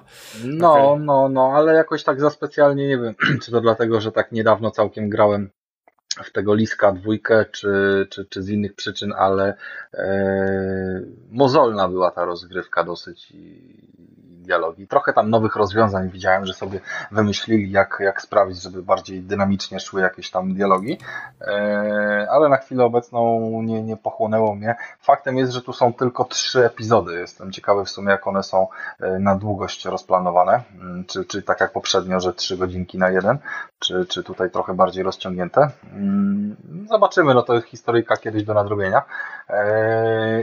I, i, I, co mogę powiedzieć jeszcze? Mogę jeszcze powiedzieć, e, że dorwałem się znów do e, kochanego Wiedźmina, tym razem na Switchu. E, o, dawno nie było. Wśród Switchowców mamy tutaj na razie chwilowo pełny skład, bo, bo i Krystian chwilowo się ze Switchem maca i jak wiemy. A mam w domu, mam w domu. Tak, ma, ma w domu, no ale tam jakby to jest nie na długo. To jest kompletny przypadek i jak to Kompletnie. powiedział, Trochę tak. Jak to no. powiedział Tomek, nie jesteś kompatybilny z Nintendo, więc to. No nie jestem, nie, nie, nie jestem, nie jestem. E, nie wiem, czy Wiedźmina na Switchu e, z kolei ogrywał e, Michał, ale ja mogę powiedzieć, że no faktycznie gra jest e, wykastrowana graficznie, jeżeli chodzi o wersję standardową z PS4, nawet już nie mówimy o jakiś Pro czy, czy coś w tym stylu, to, to widać e, mnóstwo uproszczeń, ale jednak no, jest zachowana przyzwoita płynność rozgrywki i, i, i wszystkie oczywiście pełne dialogi. Przede wszystkim jest to jedna z nielicznych gier e, z polskim językiem i to, i to nie tylko w napisach, ale też w dialogach na Nintendo, mm, na Switchu, więc, więc to jest też duży plus. No i co tu dużo mówić, no, nawet w uproszczonej grafice to, to wciąż się w to gra przyjemnie i, i tak naprawdę wszystkie funkcje są przeniesione jeden do jednego. No coś tam może czasami chodzi trochę, trochę gorzej, ale nic, co by przeszkadzało w tej grze, powiedzmy tak, tak na dzień dobry, nie? Więc, więc e, jeżeli się zastanawialiście nad tym portem to jest świetna gra, żeby właśnie ją tak mieć i, i wykorzystywać jakiś tam wolny czas do, do tego powrotu, bo a to się zrobi coś drobnego, a to pogra w Gwinta, nie wiadomo, co tu będę mówił, już, już o Wiedźminie gadaliśmy przez tyle godzin yy, z tych pięciu lat nagrywania podcastów, czy sześciu, że, że więcej nie będziemy. No, a Wiedźmina no jedynkę odpaliłem, bo się gdzieś dorwałem na pececie. Eee, I nie wiem, czy wiedzieliście, to, to, to chyba nie, nie powiedziałem eee, Krystianowi. Wiedziałeś, że w Wiedźmina jedynkę można grać, e, prawdopodobnie to jest efekt jakichś patchy i wersji e, tej dostępnej jakby dopiero teraz, e, że można grać w trybie takim trochę przypominającym Diablo, że sterujesz samą myszką, masz rzut kamery taki bardziej z góry, może nie cały czas izometryczny, bo ona się obraca, ale jednak jest jest, jest y, oddalona i widzisz większą część mapy i sobie klikasz myszką i w ten sposób wszystkie akcje wykonujesz, sterujesz postacią, y, zakładasz ekwipunek i walczysz? E, ja akurat o tym nie wiedziałem, e, mm, Rafale. Ja wiem, że Diablo lubisz, więc to może być taki ten. Tak, ale postacie tak. są strasznie brzydkie. Co prawda dźwięk jest nagrany tak samo jak y, obecne wersje y, Wiedźmina z tymi samymi aktorami, przynajmniej po części tej y, głównych, których rozpoznajemy, ale, ale jednak no, czuć, czuć tutaj przestrzeń ogromną czasu i pieniędzy, którą zyskali od, od czasu y, pierwszej do trzeciej premiery, jak bardzo się to rozwinęło. No tak. E, to zobaczymy. E, zobaczę sobie, jak, to wygląda. Może mnie to zainteresuje, ale to e, to jest tylko i wyłącznie na PC, Michał, na PC, Rafale. Na PC, tak. No, Gdzieś no, tam no. no, musisz się do Wojtka uśmiechnąć. No tak, tak, tak. Znaczy, wiesz co, no ja mam tyle gier, że Wiedźmin mnie nie robi ogólnie. E, no dobra, e, słuchajcie, to chyba tyle będzie. E, jedziemy, słuchajcie, dwie rzeczy chcemy powiedzieć. Chcemy powiedzieć troszeczkę o Ubi, chcę, chcę to delikatnie ugryźć. No i oczywiście Xbox, ale zanim. Słuchajcie, ja mam do Michała bardzo ważną informację. Michale, w Game Passie 24 września ujawi się, pojawi się Vermintide 2, Warhammer. To jest widziałem, świetna, widziałem. To jest świetna kooperacja. Ja tą kooperację już kupiłem sobie na Xboxie, już wcześniej. Ja ją mam cały czas. 80 giga. Eee, słuchajcie, musimy w to zagrać. Musimy w to grać, musimy to grać dużo, bo to jest po prostu mój konik, a w dwie osoby, w 3-4 gra się po prostu przegenialnie. Więc e, Michał, będzie, będę cię dręczył, żeby w to grać. My body is ready. Ma, I hope so. I mam nadzieję, że użytkownicy 24 wrzesień e, ściągajcie to bardzo chętnie. Możemy sobie chodzić w, w cztery osoby, ale by było super. E, ja będę w to dużo grał. E, A w Wasteland już nikt nie grał? Jeszcze raz? Był grany Wasteland. A to dwa tygodnie temu już mówili, że grałeś. No. Tak, ale jeszcze zawsze się na recenzję, bo jednak ta gra no. jest bardzo obszerna. No, e, szczególnie, że ten e, Michał ma inne gry też, lepsze e, chyba. E, no, słuchajcie, no, więc... Tony Hawk zaorał ten tydzień. To na pewno. E, więc słuchajcie, tylko mówię, Vermintide 2 świetny tytuł, e, rewelacyjny, będziemy grali, jak ktoś chce grać, niech pisze do nas gdzieś na grupach, e, chętnie, chętnie będę grał z kimkolwiek, bo to jest tytuł po prostu, który po prostu uwielbiam. Uwielbiam e, tego typu kooperacje. E, dobra, słuchajcie, Ubisoft. E, Ubisoft, e, może ja zacznę, żeby wam było lepiej, macie czas, żeby się przygotować, zobaczyć co tam było. Więc słuchajcie, Ubisoft standardowo ma te co miesiąc swoje konferencje. E, nie ma co w sumie o nich tak za bardzo pierdolić, tylko po, może, może powiem o tych trzech tytułach. E, które tak wychodzą. Przede wszystkim e, pierwszy ten tytuł, ja na, ja na początku chodzi mi o ten Immortals Phoenix Rising. E, na początku jakaś tam platformówka, chodzisz sobie po świecie, jakieś takie dziwne rzeczy robisz, walczysz z różnymi bossami, wyglądało to tak, e, no tak, tak tro, trochę Fortnite'owo. No bardziej to z Zeldy inspirowane. No właśnie, Zelda, Zelda tak. Tak, ale, ale tak powiem wam, że takie pierwsze wrażenie to takie mech, ale z drugiej strony jak popatrzyłem później na ten gameplay duży, to kurczę, to, to, nawet mógłbym sobie w to pograć. E, no, więc e, Rafale, pograłbyś w ten tytuł? Nie wiem, czy bym w to pograł. No, nie, nie, nie, nie kupiło mnie aż tak bardzo, ale kto wie. No, więc e, słuchajcie, ten, ten tytuł na, naprawdę jest e, dosyć ciekawy. Można, na, e, można sobie po prostu e, uważać na niego i, i czekać. On wychodzi 3 grudnia, więc w sumie już niedługo. Słuchajcie, druga rzecz, która była dosyć ciekawa, to był ten Prince of Persia, The Sense of Time. E, niby wychodzi remake, ale, ale był taki dosyć mocny hate, że to nie wygląda zbyt specjalnie. E... Może twórcy Halo to, to robili. e, e, no tak, bo na Może dwie tak generacje. Na dwie generacje, więc słuchajcie, mamy trochę hejt z, tym, z tymi z Prince of Persia. Nie, nie, wiem, czy graliście w tą starą. Ja na przykład grałem w tą starą. Fajne było cofanie tego czasu i tak dalej. Osobiście nie czuję się, żebym musiał zagrać w nową, odświeżoną wersję tej gry. E, no ale jeżeli są tam jacyś fani, chcą sobie w to pograć, więc spoko, niech sobie grają. E, mnie to akurat e, wali. Wiemy, że Sam Fisher wraca, ale Sam Fisher wraca tylko i wyłącznie do Rainbow Six Siege, więc będzie po prostu grywalna postać, będzie można nim grać. I słuchajcie, chyba największe wrażenie, jakie po prostu zostało zrobione, przynajmniej też na mnie, to jest ten Riders Republic. Tak! Czyli e, to jest też e, tytuł, który Rafa mówi, że może, może Michałowi, ale e, przede wszystkim on mnie robi dosyć grubo, więc słuchajcie, tytuł jest zajebisty, bo to jest, bo to jest, to jest, dla mnie to jest taki Battle Royale trochę, wyścigowy. Bierze udział w tym, załóżmy, nie wiem ile tam było graczy, ale, ale tam było tyle nasrane, że załóżmy 100 osób i te 100 osób ma jechać do mety czym chce. Rowerem, e, jakimś tam, e, jakimś tam, e, czym, oni latali czymś, na deskach e, chyba jeszcze jeździli. Na, na deskach jeździli, e, więc słuchajcie, wybieracie sobie sprzęt, macie do, do, dostać się do mety, 100 innych graczy online, e, wyglądało to świetne. E, ogólnie pierwsze wrażenie to free to play, ale niestety to nie będzie free to play, e, to będzie normalna gra, którą trzeba będzie zakupić. E, słuchajcie, to, to jest twórca Steepa. E, Steep, czyli gra, która po prostu. No i ja zrobiłem w niej platynę. Świetnie mi się grało w te wszystkie e, zawody zimowe, te latanie tym, tymi takimi dziwnymi balonami, chyba tam, w ogóle chyba balon też tam był, e, deska i różne tego typu rzeczy, e, sporty zimowe. Było to naprawdę świetnie wykonane. Teraz mamy kontynuację, ale taką bardziej troszeczkę pod, pod jajeczko e, i na, takie MMO, w sumie można powiedzieć, że to takie troszeczkę MMO będzie. E, słuchajcie, no ja jestem ty, ty, tytułem kupiony i chyba z tego wszystkiego, co ostatnio widzę, to tym najbardziej jestem kupiony. E, no i może oczywiście poza Watch Dogsami. Myślę, że z Yubi wziąłbym tylko Watch Dogsy i ten tytuł, bo mnie tam te Assassiny i te, i te wszystkie co tam jeszcze jest? Może Ghost Recona jeszcze bym pomyślał. Ale Riders Republic było świetne. Michale, będziesz to grał? Myślisz, że to jest taki tytuł dla ciebie? Ty lubisz te rowery?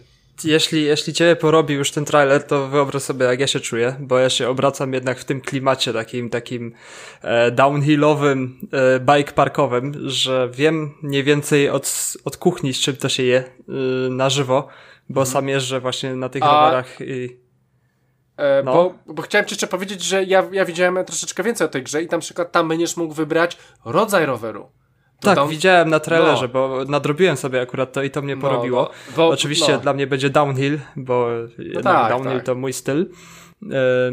Świetnie się zapowiada. Ogólnie jak sobie na słuchawkach zobaczyłem ten trailer, to fajnie odwzorowane są dźwięki zjazdów na tym rowerze, że to naprawdę jest bardzo realistyczne, bo mam, mam po, po prostu porównanie, bo uprawiam ten sport i fajnie jest odwzorowany ten właśnie taki festiwalowy klimat, e, który jest w bike parkach bo niektórzy sobie pomyślą, a gdzieś tam przesadzili, że ludzie krzyczą na tych stokach w tej grze, że jest głośno, że jest tak, tak bardzo młodzieżowo, ale tak jest po prostu naprawdę, że na, jak mamy dobry event w bike parku prawdziwym gdzieś tam, tutaj mam w okolicy dwa profesjonalne bike parki i tam rozgrywałem się jakieś mistrzostwa i tak dalej, to naprawdę gra punkowa muzyka, jest kolorowo, jest bardzo dużo ludzi na rowerach i, i po prostu jest ta cała społeczność razem z tymi rowerami, więc gdzieś tam ten duch takiego festiwalu yy, jest przeniesiony właśnie do tej gry i to właśnie mnie porobiło najbardziej. I ten trailer, gdzie wszyscy na tych rowerach e, zjeżdżają, to polecam sobie taki event zobaczyć, który odbywa się chyba od 95 roku w Alpach. Mega Avalanche się to nazywa, gdzie chyba tysiąc rowerzystów zjeżdża z góry w Alpach na sam dół i po prostu pierwszy wygrywa. I, i ten, jest naprawdę dużo, co, co rowerzyści zjeżdżają z GoPro podpiętą na klacie czy tam na hełmie i bardzo fajnie to jest zrobione, że, że po prostu wjeżdżają, ruszają na śniegu, a później zjeżdżają tam przez te wszystkie lasy i kończą na łąkach na samym dole, więc naprawdę robi to wrażenie. Jestem ciekaw, jak ta gra będzie po prostu się testować, yy, sprawdzać gameplayowo i, i po prostu ten klimat mnie kupił. Mhm. E, dobra, więc słuchajcie, tyle chciałem o UB. Właśnie czytam informację, że e, ktoś już zdobył e, platynę w Cyberpunku. E, ciekawe. E, słuchajcie, e, i powiedzmy sobie o tym Xboxie, tak? Więc e, słuchajcie, no wjechał e, Xbox. Microsoft e, w sumie chyba już wyłożył praktycznie wszystkie karty. E, wiemy, że e, 22 września e, ruszą preordery na konsole i to na dwie konsole, bo oficjalnie mieliśmy tylko i wyłącznie jedną pokazaną. Teraz pokazali konsolę numer dwa, nazywa się Xbox Series S. E, no i słuchajcie, zanim będę szedł dalej do numerków, e, przede wszystkim wygląd nowej konsoli. E, co wy myślicie, e, Rafale, co myślisz o, o tym, jak nowa konsola będzie wyglądać? Wygląd najpierw, tak? No, zatrzymałem Spoko. się na razie tutaj. Sam mam białą łezkę w domu i jest jak najbardziej spoko. Jest malutka, naprawdę widać to, to było po, wiesz, po późniejszych porównaniach, kilku ujęciach, że to jest taki yy, przypomina mi mały dekoder od, od czegoś takiego jak u nas NC+. Yy, no.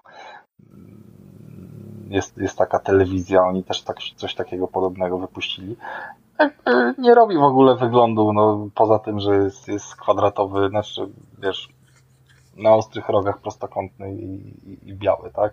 Nie ma tutaj żadnej odkrywczości jakby w kontekście, wiesz, yy, że coś nowego pokazali.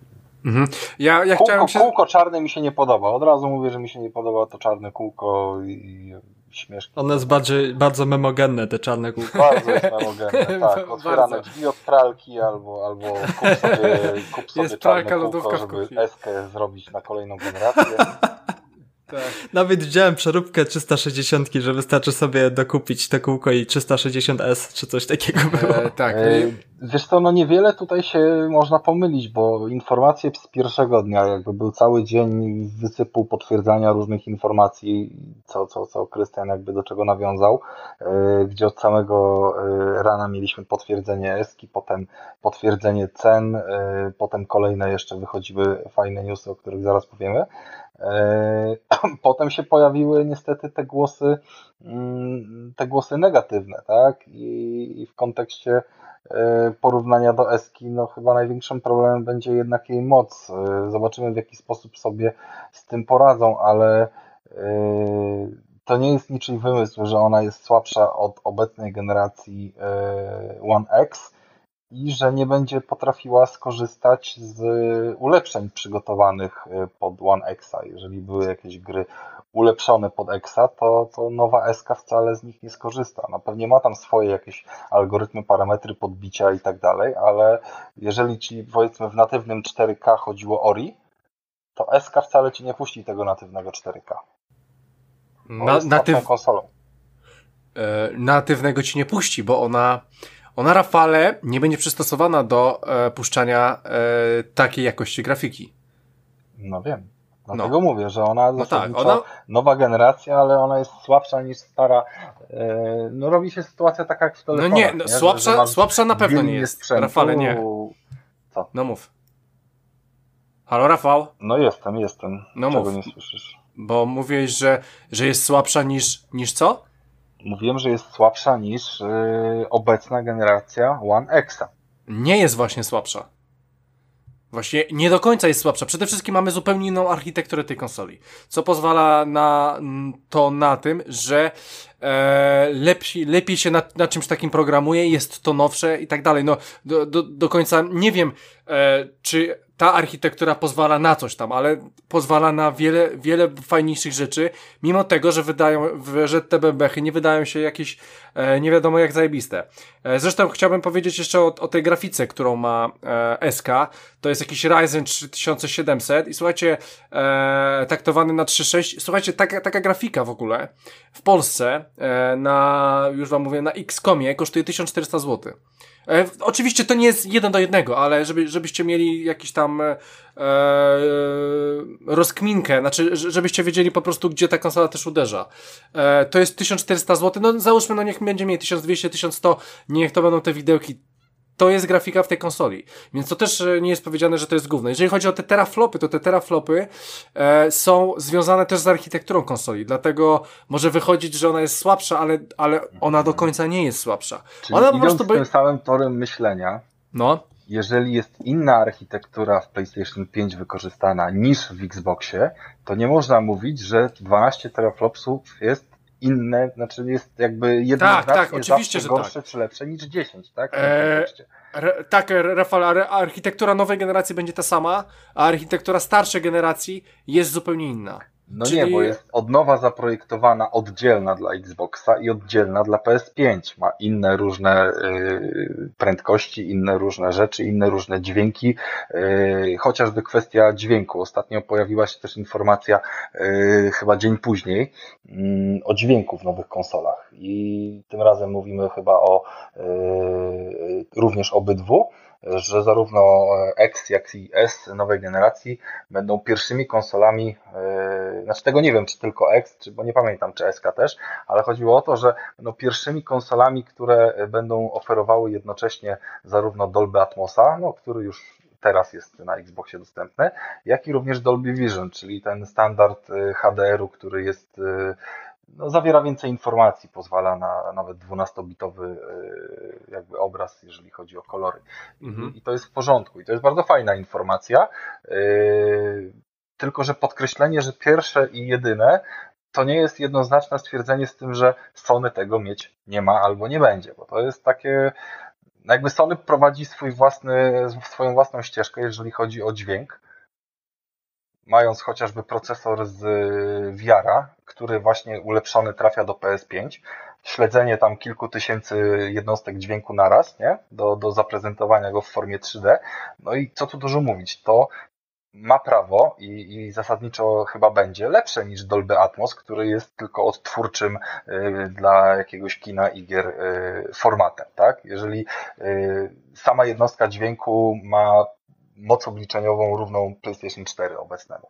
Więc jakby pamiętajcie, że te informacje nie chodzi o to, które będzie dźwięk lepszy, bo uważam, że, że żaden z nas nie zobaczy różnicy nawet na najwyższej jakości słuchawkach czy, czy, czy sprzętach y, w domu. Uważam, że jedne i drugie będą brzmiały przekozacko. Być może mm, po prostu jeden będzie dostarczał od razu gotowe rozwiązanie w postaci słuchawek Tempesta, y, na to liczę.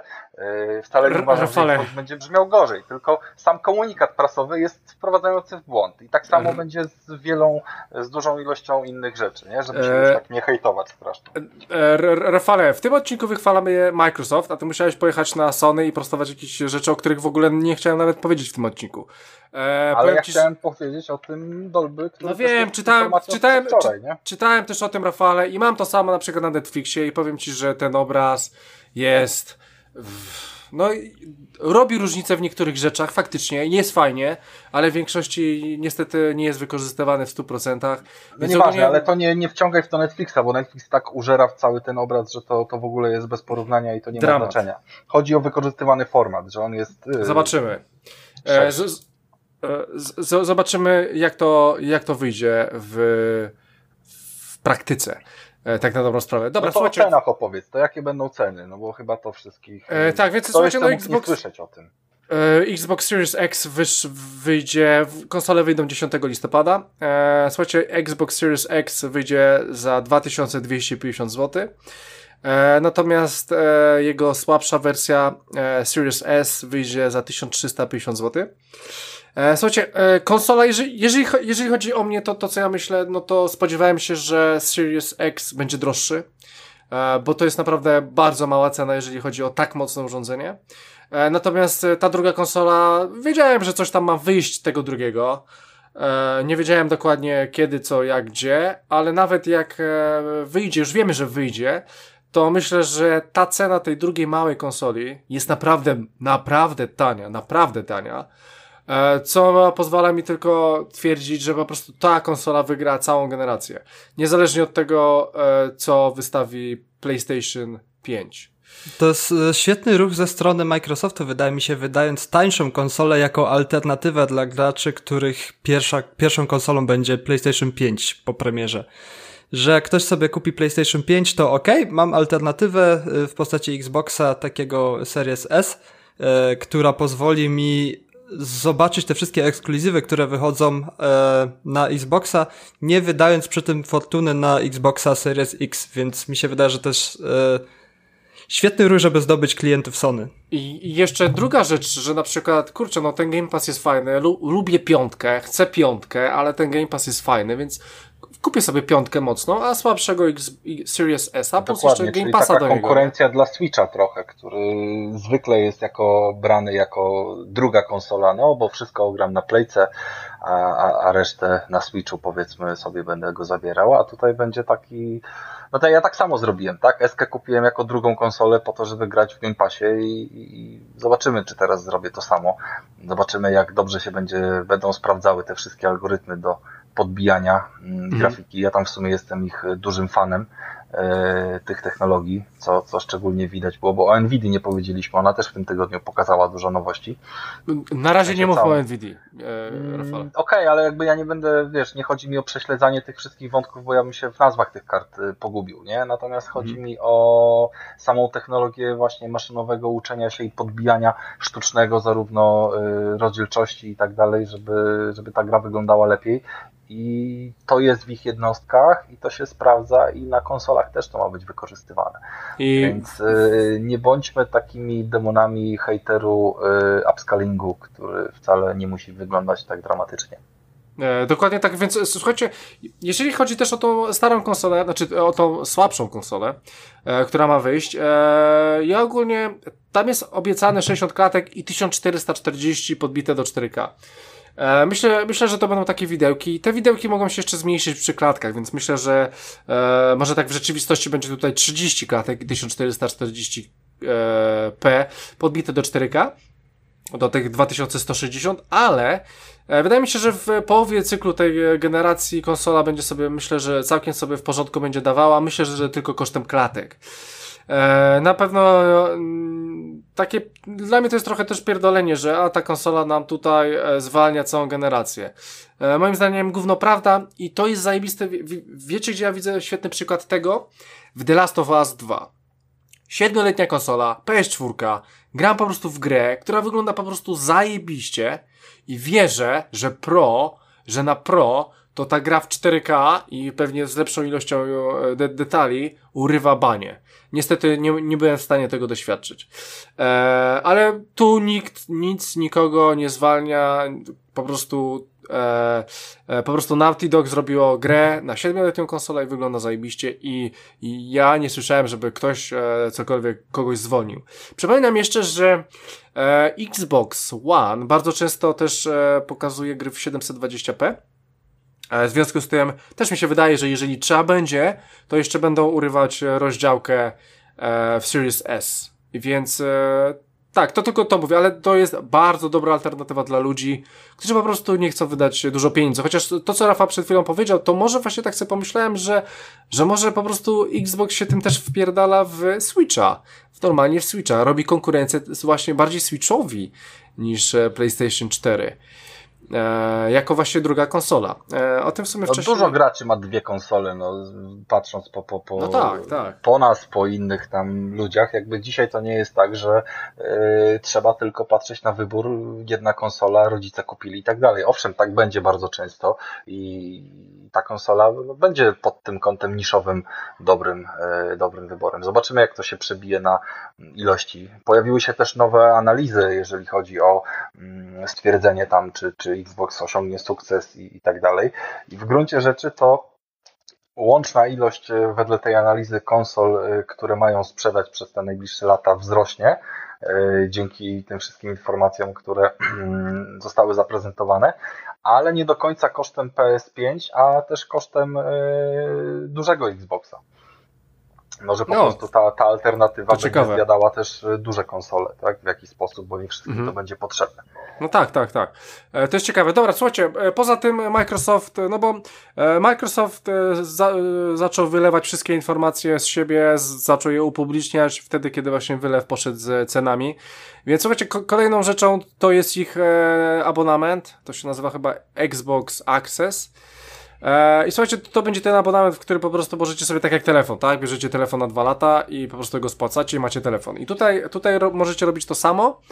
E, że bierzecie sobie, to można powiedzieć, że abonament do abonamentu telefon, tutaj też bierzecie Game Passa Ultimate plus do Game Passa dostajecie konsolę. E, nie mam jeszcze oficjalnych e, danych, niby tam były oficjalne, Tomek mówi, że jednak tak było, ale ja byłem na oficjalnej cenie Xboxa i jeszcze nie ma, więc nie wiemy ile to kosztuje, ale słuchajcie, będziecie mieli możliwość wzięcia sobie konsoli na abonament, tak? Więc nie wiem, czy to będzie myślę w granicach od 100 do 150 zł. E, tak myślę. E, na dwa lata bierzecie sobie to z Game Passem i macie tą najtańszą możliwą e, konsolę. E, czy jest to opłacalne? Pewnie nie do końca. No ja bym tutaj bardziej, e, bardziej porównał to do abonamentu na telefon. To bierzecie sobie iPhone'a e, na abonamencie w Playu czy w czy w czymkolwiek innym w Polsce, w Orange'u, to wiadomo, że to nie jest opłacalne, tak? Ale z drugiej strony jest to jakiś tam wydatek, który nie uszczupla waszego e, budżetu domowego, tak? Więc e, to jest jakaś alternatywa po prostu dla osób, które kompletnie e, nie, nie mogą sobie pozwolić na taki wydatek, a to biorą sobie w abonamencie mają super. E, I myślę, myślę, że to jest bardzo dobra opcja. Co ty myślisz, Rafał, ty myślisz? Wiesz co, ja na pewno z tego abonamentu nie skorzystam. No ja tak samo, oczywiście, że nie. No bo... Bo, bo wolę kupić tą konsolę i tego Game Passa mieć, y, planując mieć dwie konsole, nie zawsze ten Game Pass akurat w tym momencie będzie dla mnie e, niezbędny i potrzebny. Plus wiadomo, tam są różne jeszcze opcje promocji czy, czy, czy kombinowania z tymi cenami. Aczkolwiek no, są już sygnały, że, że, że może ten abonament e, rosnąć i być może właśnie takie wzięcie go w. Znaczy na pewno nie wzrośnie przy premierze konsol, żeby te ceny abonamentu momentu nie poszły w górę, no ale skoro już y, na PC-ty doładowali tyle gier, że podnieśli koszt tej usługi do tych tam 40 zł, tak jak podstawka na, na konsolę też kosztuje 4 dychy, yy, no to niewykluczone, że to się będzie dalej gdzieś tam zmieniało, tak? I być może te abonamenty yy, za niedługi czas będą oferowały lepszą cenę w pakiecie na dwa lata, właśnie dzięki yy, zamrożeniu tego abonamentu, niż y, to, że sobie go wykupujesz. No, wiele osób zresztą ma tego Game Passa już powiedzmy wykupionego na najbliższe dwa lata, tak? Czy coś w tym stylu. No to fakt, to fakt, no. Bo, bo były różne tam powiedzmy chocki, klocki, promocje. Y, to, co było ciekawe, co też zauważyłem, to, że obecna cena Xboxa y, One S z tej, tej bieżącej generacji, no to jest mniej więcej taka sama od dwóch lat, nie licząc jakiejś promocji, kiedy Digital był sprzedawany w Woszą za, za 450 zł, yy, to, to ta konsola yy, chodzi po 8 stówek z groszem, nie? Yy, ja też za tyle kupiłem. I ceny tych konsol w sieci, która będzie je sprzedawała abonamentowo, już z uwagi na to, że się zbliża premiera kolejnej generacji, podniosły się i zostały wyrównane, przynajmniej na chwilę obecną, może to był jakiś błąd, może się wycofają z tego, do 1400, do 1349 zł. Więc e, dzisiaj idąc e, do media ekspertów po konsole starej generacji, jakby już oni ich nie sprzedadzą. Nie wiem, komu mieliby je sprzedać po takiej cenie i po prostu to chyba chodzi o to tylko, żeby zastąpić na półce nowy sprzęt w tej samej cenie, pokazać, że zrobiliśmy wam tak dobrze, że to jest ta sama cena, co, co było wcześniej, nie? Takie mhm. trochę dziwne, bardzo dziwny zabieg, tym bardziej, że no w innym sklepie, który nie jest tam skumany z Xboxem, nie masz z tym problemu i, yy, i normalnie on kosztuje dalej te 900 zł powiedzmy na półce, czy tam, nie wiem, 1000 yy, z grą, nie? E, tak, i słuchajcie, jeszcze, jeszcze jedna rzecz, która wypłynęła, że Game Pass e, przechwytuje usługę EA Play i w Game Passie będzie właśnie za darmo dla użytkowników, e, użytkowników Game Passa, chyba Ultimate, e, dostaniecie e, usługę EA Play, która kosztuje 80 zł rocznie. Michale, co o tym myślisz? miałeś kiedyś w ogóle tą usługę wykupioną EA Play? Tak, tak, ja mam cały czas EA Play. A, Mało a, no kiedy proszę. z tego korzystam, muszę się przyznać, że, że to jest jeden z tych abonamentów, który gdzieś tam się płaci i się o nim zapomina. Um, Mam w planach przejść Dead Space'a, wrócić do Dead Space'a, bo jesień to dla mnie taki sezon dla horrorów, więc Dead Space będzie nadrabiany i tylko do tego mi się przyda teraz EA Play. Nie wiem do czego. Jej nie wydaje teraz jakoś za wiele gier. E, Okej, okay, dostanę nową FIFA w wersji 10-godzinnej testowej, że będę mógł sobie chwilę super. pograć. No. Tak, żeby mi się znudziło, zdąży mi się znudzić w 9, to jeszcze godzinka będzie w zapasie, jakbyś chciał zagrać mecza kiedyś. Mhm. um, no tak. Microsoft musiał naprawdę sporo hajsu wyłożyć na te usługi i to, co wykłada w Game Passa, to, co wykłada w EA Play i jeszcze nie wiem, czy, czy w Goldzie jeszcze gry będą dodawane, ale naprawdę oni muszą kupę siana na to wszystko wydawać, żeby jeszcze z EA współpracować, więc to jest taki... Mm, boję się, że to jebnie. Boję się, że, że poza abonamentem ten, ta konsola klęknie i, i gdzieś tam pójdzie w straty straszne, bo PlayStation 5 jednak się trzyma twardo tych, tych swoich ekskluzywów i, i że, że dalej się kupuje gry, a nie ciągnie z pasa, więc kurde, po, po tych dwóch ogłoszeniach cen i, i tej nowej konsoli cholernie dużo dylematów się u mnie pojawiło, bo naprawdę jest, jest fajna cena za tą SK, gdzie ta cena pozwoliłaby mi kupić zarówno SK, jak i dołożyć te, te zaoszczędzone pieniądze na SC do PlayStation 5, żeby też kupić sobie Playa w premierę. No, dylematy e, im bliżej premiery, tym, tym robi się goręcej. Tym bardziej, że, że w środę nam wchodzi jakiś pokaz Sony o 22 czasu e, naszego, mhm. nie, tak, nie tak. twojego, Krystian. E, Zobaczymy, zobaczymy. Czekam na ofensywę ze strony Sony, żeby po prostu sobie rozpisać, e, podzielić kartkę na dwie strony Xbox, PlayStation, sobie wszystkie za i przeciw roz, rozpisać i, i naprawdę wtedy podjąć decyzję.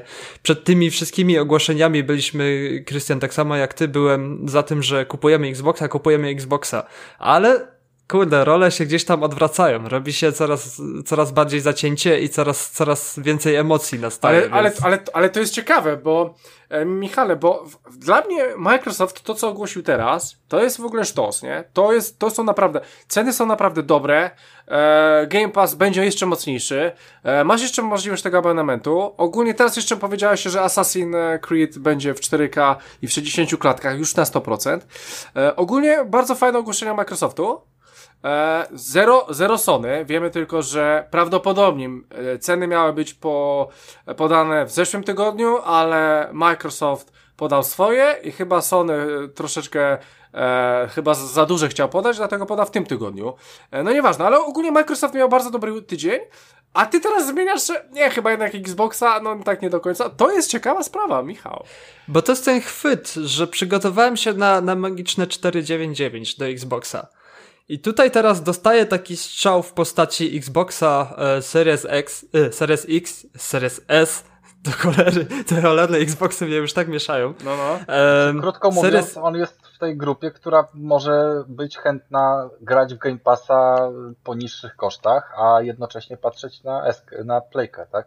Dokładnie, dokładnie. Że tu się pojawia ten ruch, ok, wyda mniej niż magiczne 4,99 euro mhm. i te, te, to, co mi zostanie z tych 4,99 mogę sobie dorzucić do, do Sony po prostu. I mam powiedzmy za zamknę się w 700 euro, czy tam w 800 euro i mam no, następną generację i mogę te zaoszczędzone pieniądze jeszcze dalej gdzieś przeznaczyć i odłożyć na kupno nowego telewizora.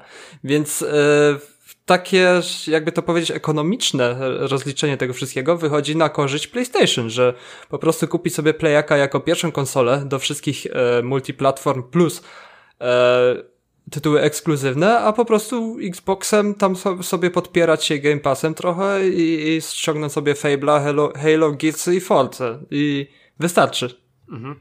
E, słuchajcie, dobra, e, zobaczymy jak będzie. Ja tylko uprzedzam, że 22 września no ja biorę, biorę preordera, nie? E, biorę preordera na Series Xa już na 100%. E, chcę mieć najmocniejszą konsolę, jaka jest na rynku. E, chcę, żeby te gry wyglądały. No i po prostu Game Pass jest rewelacyjną usługą. No i zobaczymy oczywiście, co Sony odpowie. Ja myślę, że słabsza konsola powinna być tańsza. E, więc myślę, że będzie, powinno być poniżej 500 dolarów. E, to raz e, i myślę, że dwa powinna być na całym świecie w tym samym czasie. Chociaż te może tygodniowe przerwy jeszcze nie są takie złe, ale jeżeli na przykład w Europie pojawi się w styczniu e, albo nawet nie wiem, w połowie grudnia, to już będzie dosyć słabo. E, jeżeli premiera ma być tam w okolicach połowy listopada. I tutaj pojawiły się teraz w Niemczech śmiesz bardzo śmieszne ceny e, w ogóle PlayStation 4 Pro, co zauważyłem. Bo zeszli chyba, wklejałem wam e, screena na, na grupie i chyba 190 euro można było w jednym sklepie kupić e, proskę. Mhm. Więc 800 zł za PlayStation 4 Pro O, tytułów jest od groma na tą konsolę, jest co nadrabiać na tym. Świetna okazja, świetna okazja, żeby sobie zerknąć jeszcze osta y, na ostatni rzut, co słychać o obozie Sony w tej generacji, nadrobić te najważniejsze tytuły, godowory, czy jak, jeśli ktoś w to nie grał, to 800 zł mhm. masz cały pakiet z zajebistą konsolę i, i multum gier do ogrywania, więc jeśli ktoś nie ma parcia na premiery y, na najnowsze, najnow, najnowszą generację, to jest to idealny moment, żeby sobie po prostu ponadrabiać. E, dobra, e, słuchajcie, to tyle jeśli chodzi o, o, o obóz Microsoftu. Wiemy coś mniej więcej, e, co ostatnio się wydarzyło. Już, już pojutrze mamy e, konfę Sony. E, I słuchajcie, jedziemy z tematem głównym, czyli Tony Hawk's Pro Skater 1 plus 2. Oj, to, to jest gierka. I am Superman, I am a Superman. Dobra, czy jesteś Supermanem, e, Michale? Nie, jestem Tony Hawkiem. Okej, okay, no to e, co, co tam słychać w tym Tony Hawku? Czy czy jest, jest sens odświeżać sobie ten tytuł, chociaż pamiętam, że dwójkę przeszedłem kompletnie, e, w jedynkę w ogóle chyba nie grałem. E, no i tak pytanie jest, czy jest sens wracać w ogóle do tego? O jest sens jak najbardziej, bo to jest po prostu, ja to uznałem jako nowa pozycja na rynku. Mhm. I Tony Hawk to jest jedna z takich postaci z dzieciństwa, e, mojego dzieciństwa i moich rówieśników, jak tam zawsze się bawiliśmy, bawiliśmy na podwórku, już to mówiłem na przykładzie Michaela Jordana, że były takie trzy postacie w naszym dzieciństwie, które odgrywały taką rolę jako postaci godnych do naśladowania, takich wzorców gdzieś tam ze świata sportu, z telewizora, gdzie, gdzie tam oglądaliśmy, jaraliśmy się i powtarzaliśmy to na, na, na, na podwórku. Małysz, no. No, czyli gdzieś tam się to wsiąkało. E, był to Michael Jordan, bo wtedy na topie był NBA Chicago Bulls. E, był to Colin McRae, gdzie, gdzie mieliśmy po prostu gierki rajdowe i Colin to też dzieciaki plakaty miały z Colinem i, i z tym jego Fordem Focusem słynnym.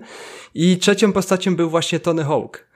Jeśli się spyta kogoś, e, wymień jakąś, jakiegoś sławnego deskorolkarza, to na Tony Hawku ba bardzo dużo ludzi kończy po prostu, bo ja sam bym nie potrafił teraz wymienić nazwiska innego niż Tony Hawk, jeśli chodzi o, o świat deskorolki, bo Tony Hawk jest po prostu legendą. No i w 99 e, przy współpracy z samym Tony Hawkiem powstała gierka e, z firmy Neversoft e, o nazwie Tony Hawk Pro Skater i od razu uznawane było to jako za jedną z najlepszych gier na świecie, w ogóle deskorolka, wtedy boom na deskorolkę wybuchnął. 2000, y, rok 2000 podciągnął dalej sukces e, Tony Hawka i wyszła druga część, która jest do dzisiaj jedną najlepiej od, e, ocenianych gier w ogóle. No i w tamtych czasach po prostu grało się to. Jeszcze byłem wtedy graczem takim bardzo małym, e, miałem 8 lat w 2000 i jako ten 8-9-latek e, sobie wtedy z Tonego Hołka na klawiaturze e, ciupałem na, na pececie. Brat, brat, oczywiście dobry brat mi załatwiał te giereczki wszystkie, gdzieś tam ze szkoły przynosił, nie, nie wiem skąd, pewnie gdzieś tam piractwo się szerzyło w Polsce. E, więc gdzieś ten sentyment do tych gier pozostał, ale byłem za młody, myślę, żeby wsiąknąć tą magię i rozumieć o co chodzi w tych grach, tak jak teraz e, chłonę te wszystkie gry w wielu aspektach muzyki, gameplayowo i tak dalej.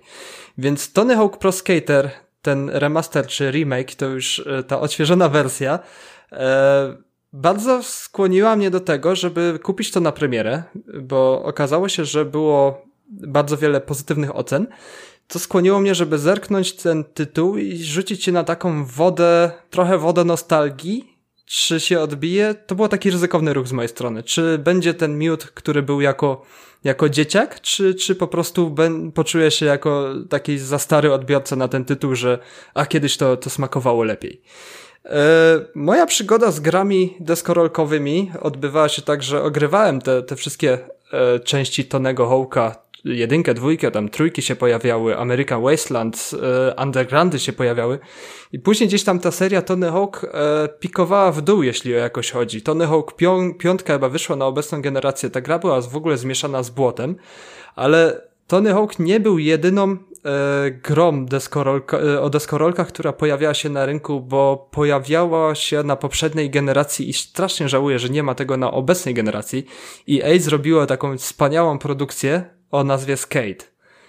Wszystkie trzy serię Skate, gry, wszystkie trzy części serii Skate ogrywałem, bo to było dla mnie coś, co zepchnęło w ogóle Tony, Tonego Hołka z mojego deskorolkowego tronu growego.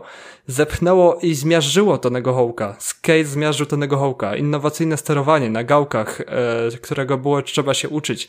Bardzo symulacyjne podejście, którego brakowało mi trochę w Tony Hołku, że naprawdę skate dał takie poczucie e, uczenia się jazdy na deskorolce, kiedy musieliśmy po prostu na tych gałkach manewrować, obracać się, wszystko, uczyć się jazdy, że wykonanie kickflipa w skate wymagało czegoś więcej niż przyciśnięcia A i Xa, co, co, na czym polega Tony Hawk, że ten skate naprawdę wywołał coś u mnie, że już obojętnie żaden Tony Hawk mnie nie kupi, bo Tony Hawk jest arcade'em, a skate daje mi poczucie e, symulacji. I wyszedł niedawno gra deskorolkowa, e, już nawet nie pamiętam jak ona się nazywała, niedawno wyszła, gdzie ludzie mówili, że to jest szał w kolano, bo przed premierą e, Tonego Hawka, tego odświeżonej wersji, wypuszczają e, skatera, Skater XL, o, Skater XL się to nazywało, które jest średnio dorobioną grą i nawet będąc fanem deskor o deskorolkach, nie sięgnąłem po ten tytuł, czekając po prostu na odświeżoną wersję Tonego Hawka.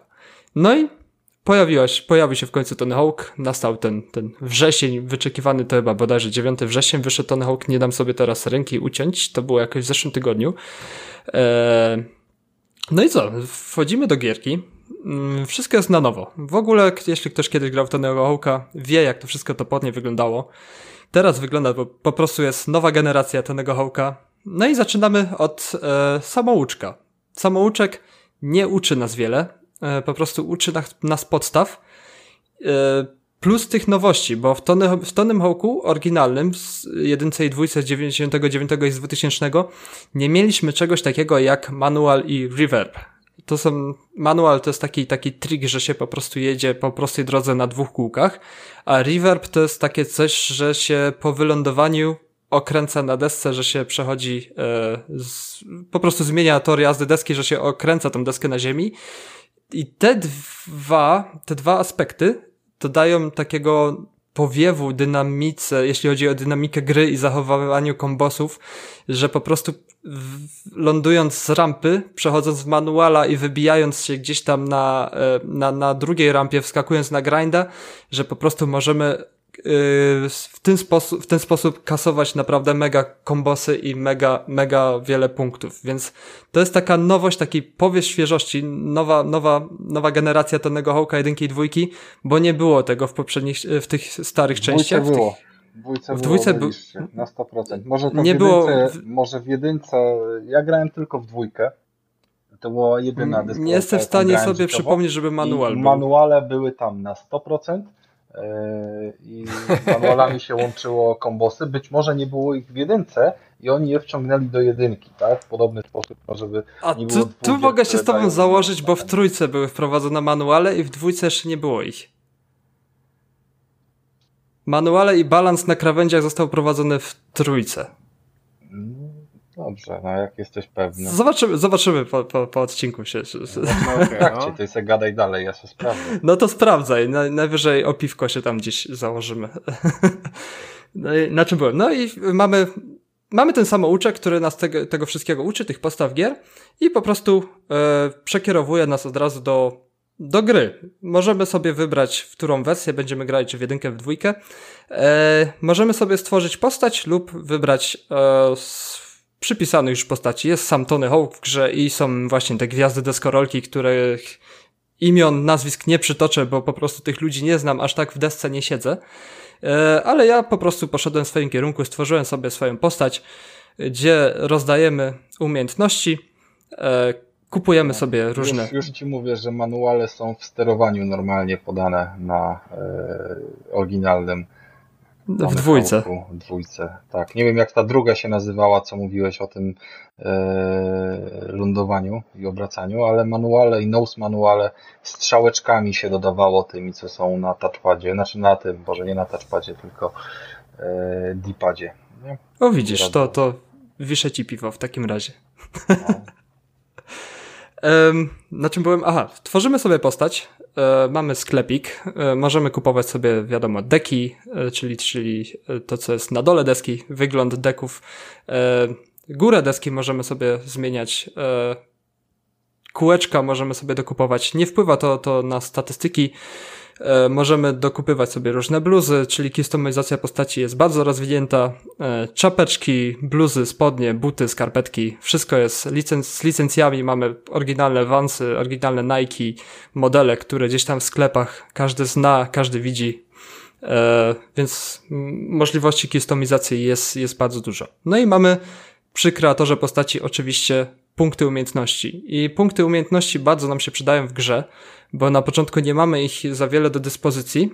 Mm, wcześniej odbywało się to tak, że się zbierało pieniądze e, podczas gdzieś tam ukrytych tras, że zbierało się dolary i za te dolary kupowało się po prostu umiejętności, a teraz gdzieś w, w miarę postępu gry odblokowujemy sobie, szukamy sobie punktów ulepszeń i gdzieś w miarę, w miarę rozwoju dostajemy te punkty umiejętności, gdzie możemy sobie te punkty e, dosyć szybko i dodawać i odejmować w trakcie gry, jeśli potrzebujemy czegoś na potrzebę jakiegoś challenge'a, jeśli potrzebujemy szybkości i, i długości lotu, to wchodzimy sobie szybko w menu, e, zdejmujemy sobie punkty z, z grinda czy, czy z szybkości obrotu i wrzucamy sobie w długość lotu i wyskok.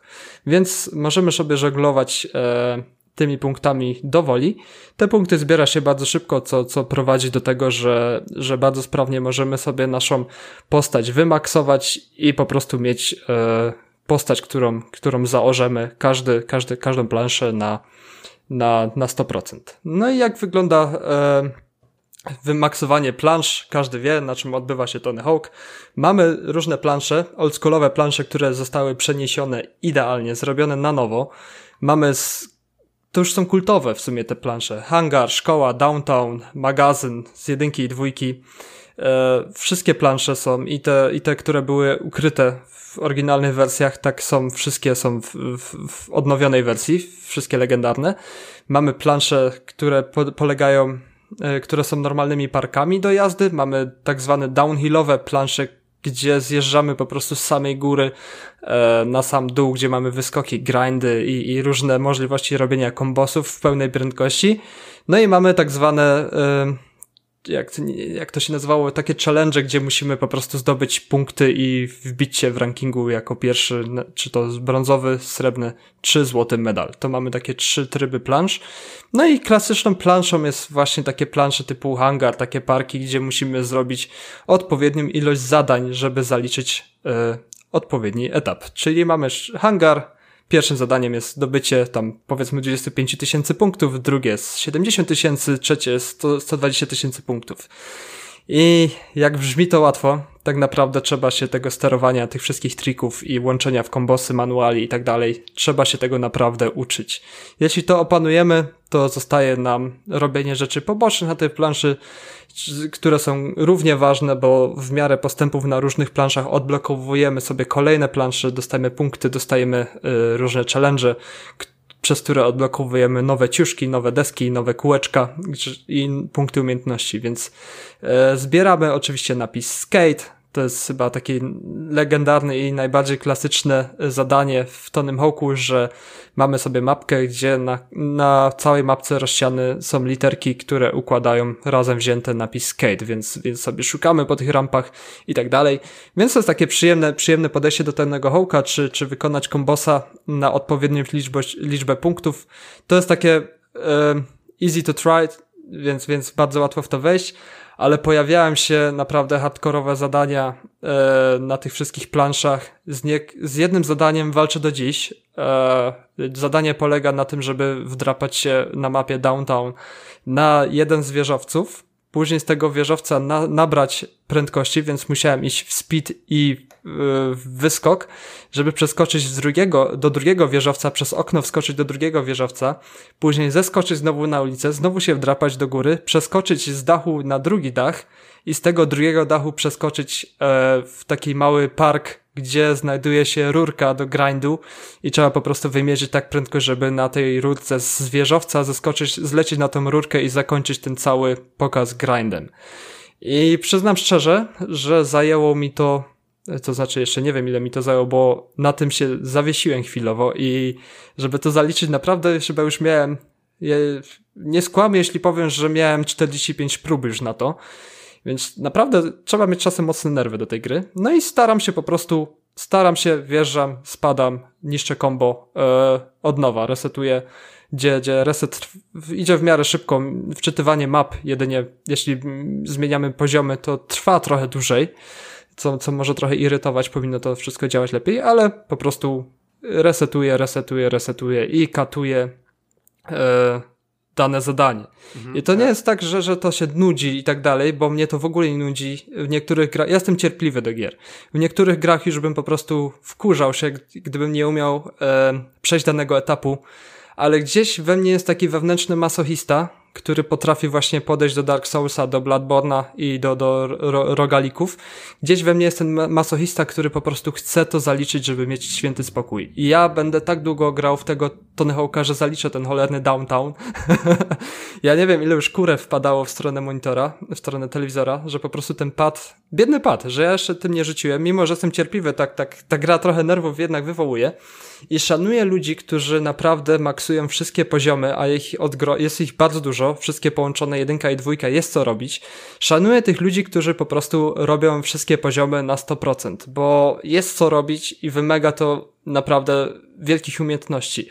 Jeśli ktoś jest ogarnięty w Tonym Hawku, ma wszystko w jednym paluszku, to podobno da się jedynkę skończyć w 5 godzin, a dwójkę w 10, a ja czuję, że, że dla mnie to jest kwestia 40-50 godzin, żeby przysiąść powoli do tej, e, do tej gry i, i, i maksować te wszystkie e, triki i, i zadania.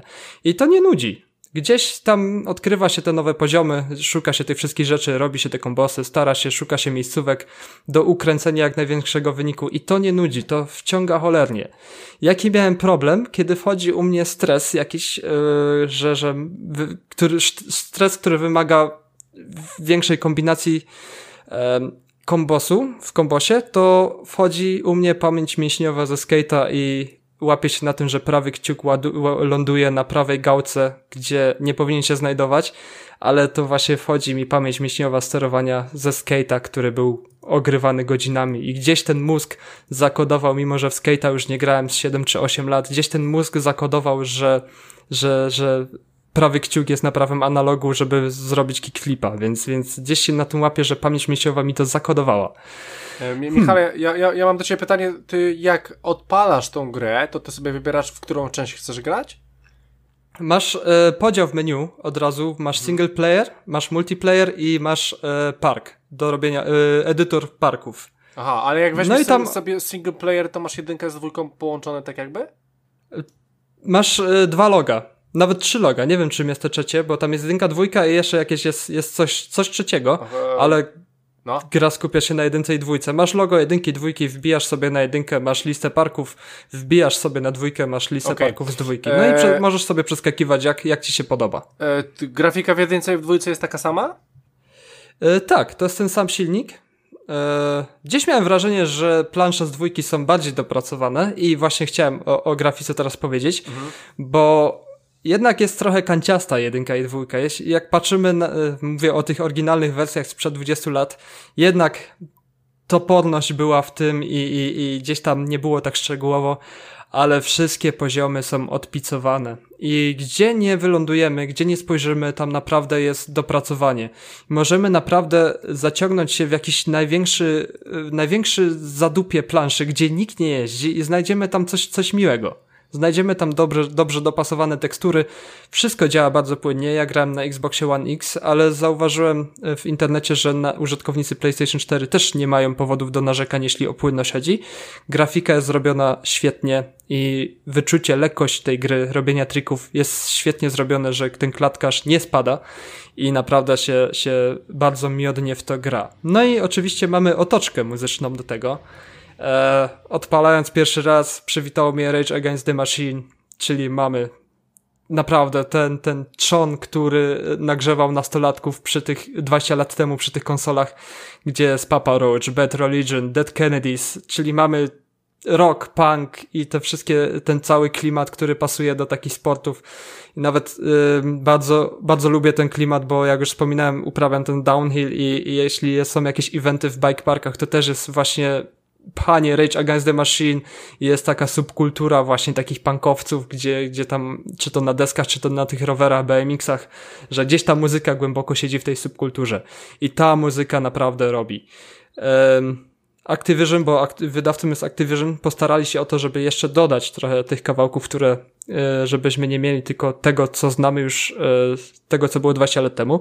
Postarali się, żeby jeszcze załatwić kilka e, licencji, żeby jeszcze więcej wrzucić tej muzyki i ta muzyka naprawdę robi robotę. Mamy taki myk, że możemy po prostu wcisnąć gałkę, jeśli jakiś kawałek nam nie leży, wciskamy sobie gałkę i kawałek nam się zmienia na dalszy, więc, więc jest w czym przebierać, jest dużo ostrego grania punkowego to wszystko wpasuje się idealnie. Muzyka nie jest jakaś przeszkadzająca, bardzo fajnie daje klimatu, takiego nagrzewa do tej walki, żeby po prostu walczyć z tymi trudnymi zadaniami i po prostu muzyka, e, jestem fanem ciężkiej muzyki, więc dla mnie to pasuje jak ulał. No i e, tryb, którym poświęciłem najmniej, najmniej czasu, czyli kreator poziomów.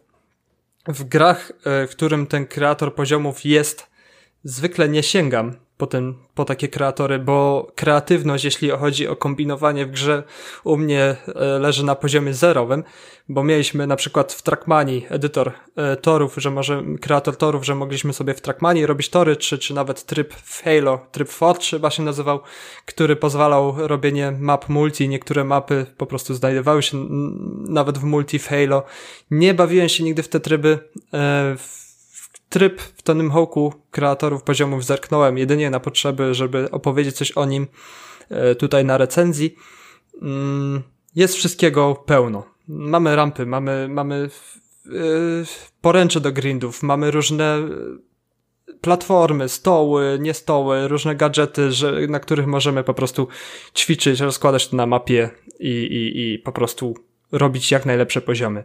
Wiadomo, wszystko jest połączone z internetem. Nasze poziomy stworzone możemy udostępniać w internecie, możemy grać na poziomach, który, które robili ludzie. Znając życie, ludzie mogą zrobić naprawdę poziomy na, na wysokim poziomie. Jeszcze nie próbowałem się, bo skupiłem się na, na, na maksowaniu tych poziomów. Nie próbowałem się na, na poziomach od innych ludzi i także nie próbowałem się na trybie multi, bo możemy też grać w trybie multiplayera gdzie, jak się domyślam, tryby są w postaci e, zaliczenia poziomów w określonym czasie na największą ilość poziomów. Jedynie mogę się domyślać, co jest w multiplayerze. Nie jest to gra, która mnie gdzieś tam e, kusi multi. Szkoda mi czasu, żeby, żeby gdzieś tam zagłębiać się w te multi, więc pozostaję przy singlu i, i bo single to jest naprawdę trzon tej rozgrywki, która jest najbardziej warta uwagi. E, jeśli ktoś nie zna serii Tony Hawk, to jest to idealna okazja. Nie sięgajcie po te wersje, bo wyszły też wersje dwójki chyba HD, która jest, e, której nawet nie sięgałem, ale jeśli ktoś jest fanem deski, ktoś lubi ten klimat i ktoś chce zobaczyć, dlaczego Tony Hawk 2 z roku 2000, z roku 2000 jest dalej w top grach na świecie, najwyżej ocenianych, to jest to idealny moment, żeby sobie odświeżyć tę serię, żeby sobie wrócić, żeby sobie pokatować deskę. I sam złapałem się na tym, że już oglądam deski i żeby do mojego roweru sport rowerowy, który uprawiam na co dzień, żeby dorzucić sobie śmiganie po prostu w ramach rekreacji, żeby sobie deskę kupić i sobie gdzieś tam ze znajomymi na jakimś boisku sobie pośmigać na deskach. Więc Tony Hawk wszedł ostro. E, jestem mega zajarany tym tytułem i ode mnie jest mocna ocena, naprawdę polecam każdemu. E, tak, trzeba będzie spróbować. Ja mam jeszcze w ogóle ciekawostkę, no już na sam koniec. E, czy wy wiecie, czemu Tony Hawk jest e, legendą? Czemu w ogóle Tony Hawk jest sygnowany i czemu on jest taki zajebisty? Michał, wiesz? Bo zrobił tą słynną 900? Dokładnie tak, dobra. To tym, e, słuchajcie, optymistycznym akcentem możemy zakończyć 167 odcinek podcastu Bezimienny. E, słuchajcie, standardowo wchodźcie na bezimienny.pl, e, tam rzucamy odcinki, poza tym jesteśmy na e, Facebooku i fanpage'u bezimienny podcast, plus jeszcze oczywiście grupa facebookowa, wchodźcie, zapraszamy. Tak, tam sobie wrzucamy różne ciekawe rzeczy. Poza tym oczywiście mamy Twitter, który działa, od dzisiaj będzie działać. Mamy Instagram, też wchodźcie, bezimienny pod, podcast, e, na pewno nas znajdziecie. Plus jeszcze piszcie do nas maile bezimienny podcast gmail.com. E, poza tym oczywiście jesteśmy na iTunesach, jesteśmy na YouTubach, e, jesteśmy na Spotify'u, jesteśmy wszędzie. E, tak, w sumie już teraz naprawdę jesteśmy wszędzie. E, więc jak najbardziej zapraszam Was e, do tego wszystkiego. Słuchajcie, i w sumie chyba tym optymistycznym akcentem możemy skończyć nasz odcinek. Standardowo ze mną był Rafał Radomyski. Dziękuję wszystkim bardzo za wysłuchanie, wszystkich naszych żalów. Pozdrawiam, cześć. E, szczególnie Rafała, był z nami Michał Stiller. E, dziękuję bardzo, do następnego razu. E, I był z nami Christian Kender, a my, słuchajcie, standardowo widzimy się 22 września w sklepach, żeby zrobić preordera na naszą ulubioną konsolę, a później, tydzień później, oczywiście na kolejnym Prawie w urodziny podcastu. A, dokładnie, tak, no, jeden dzień różnicy. Tak, więc słuchajcie, do usłyszenia, drodzy słuchacze, trzymajcie się, cześć.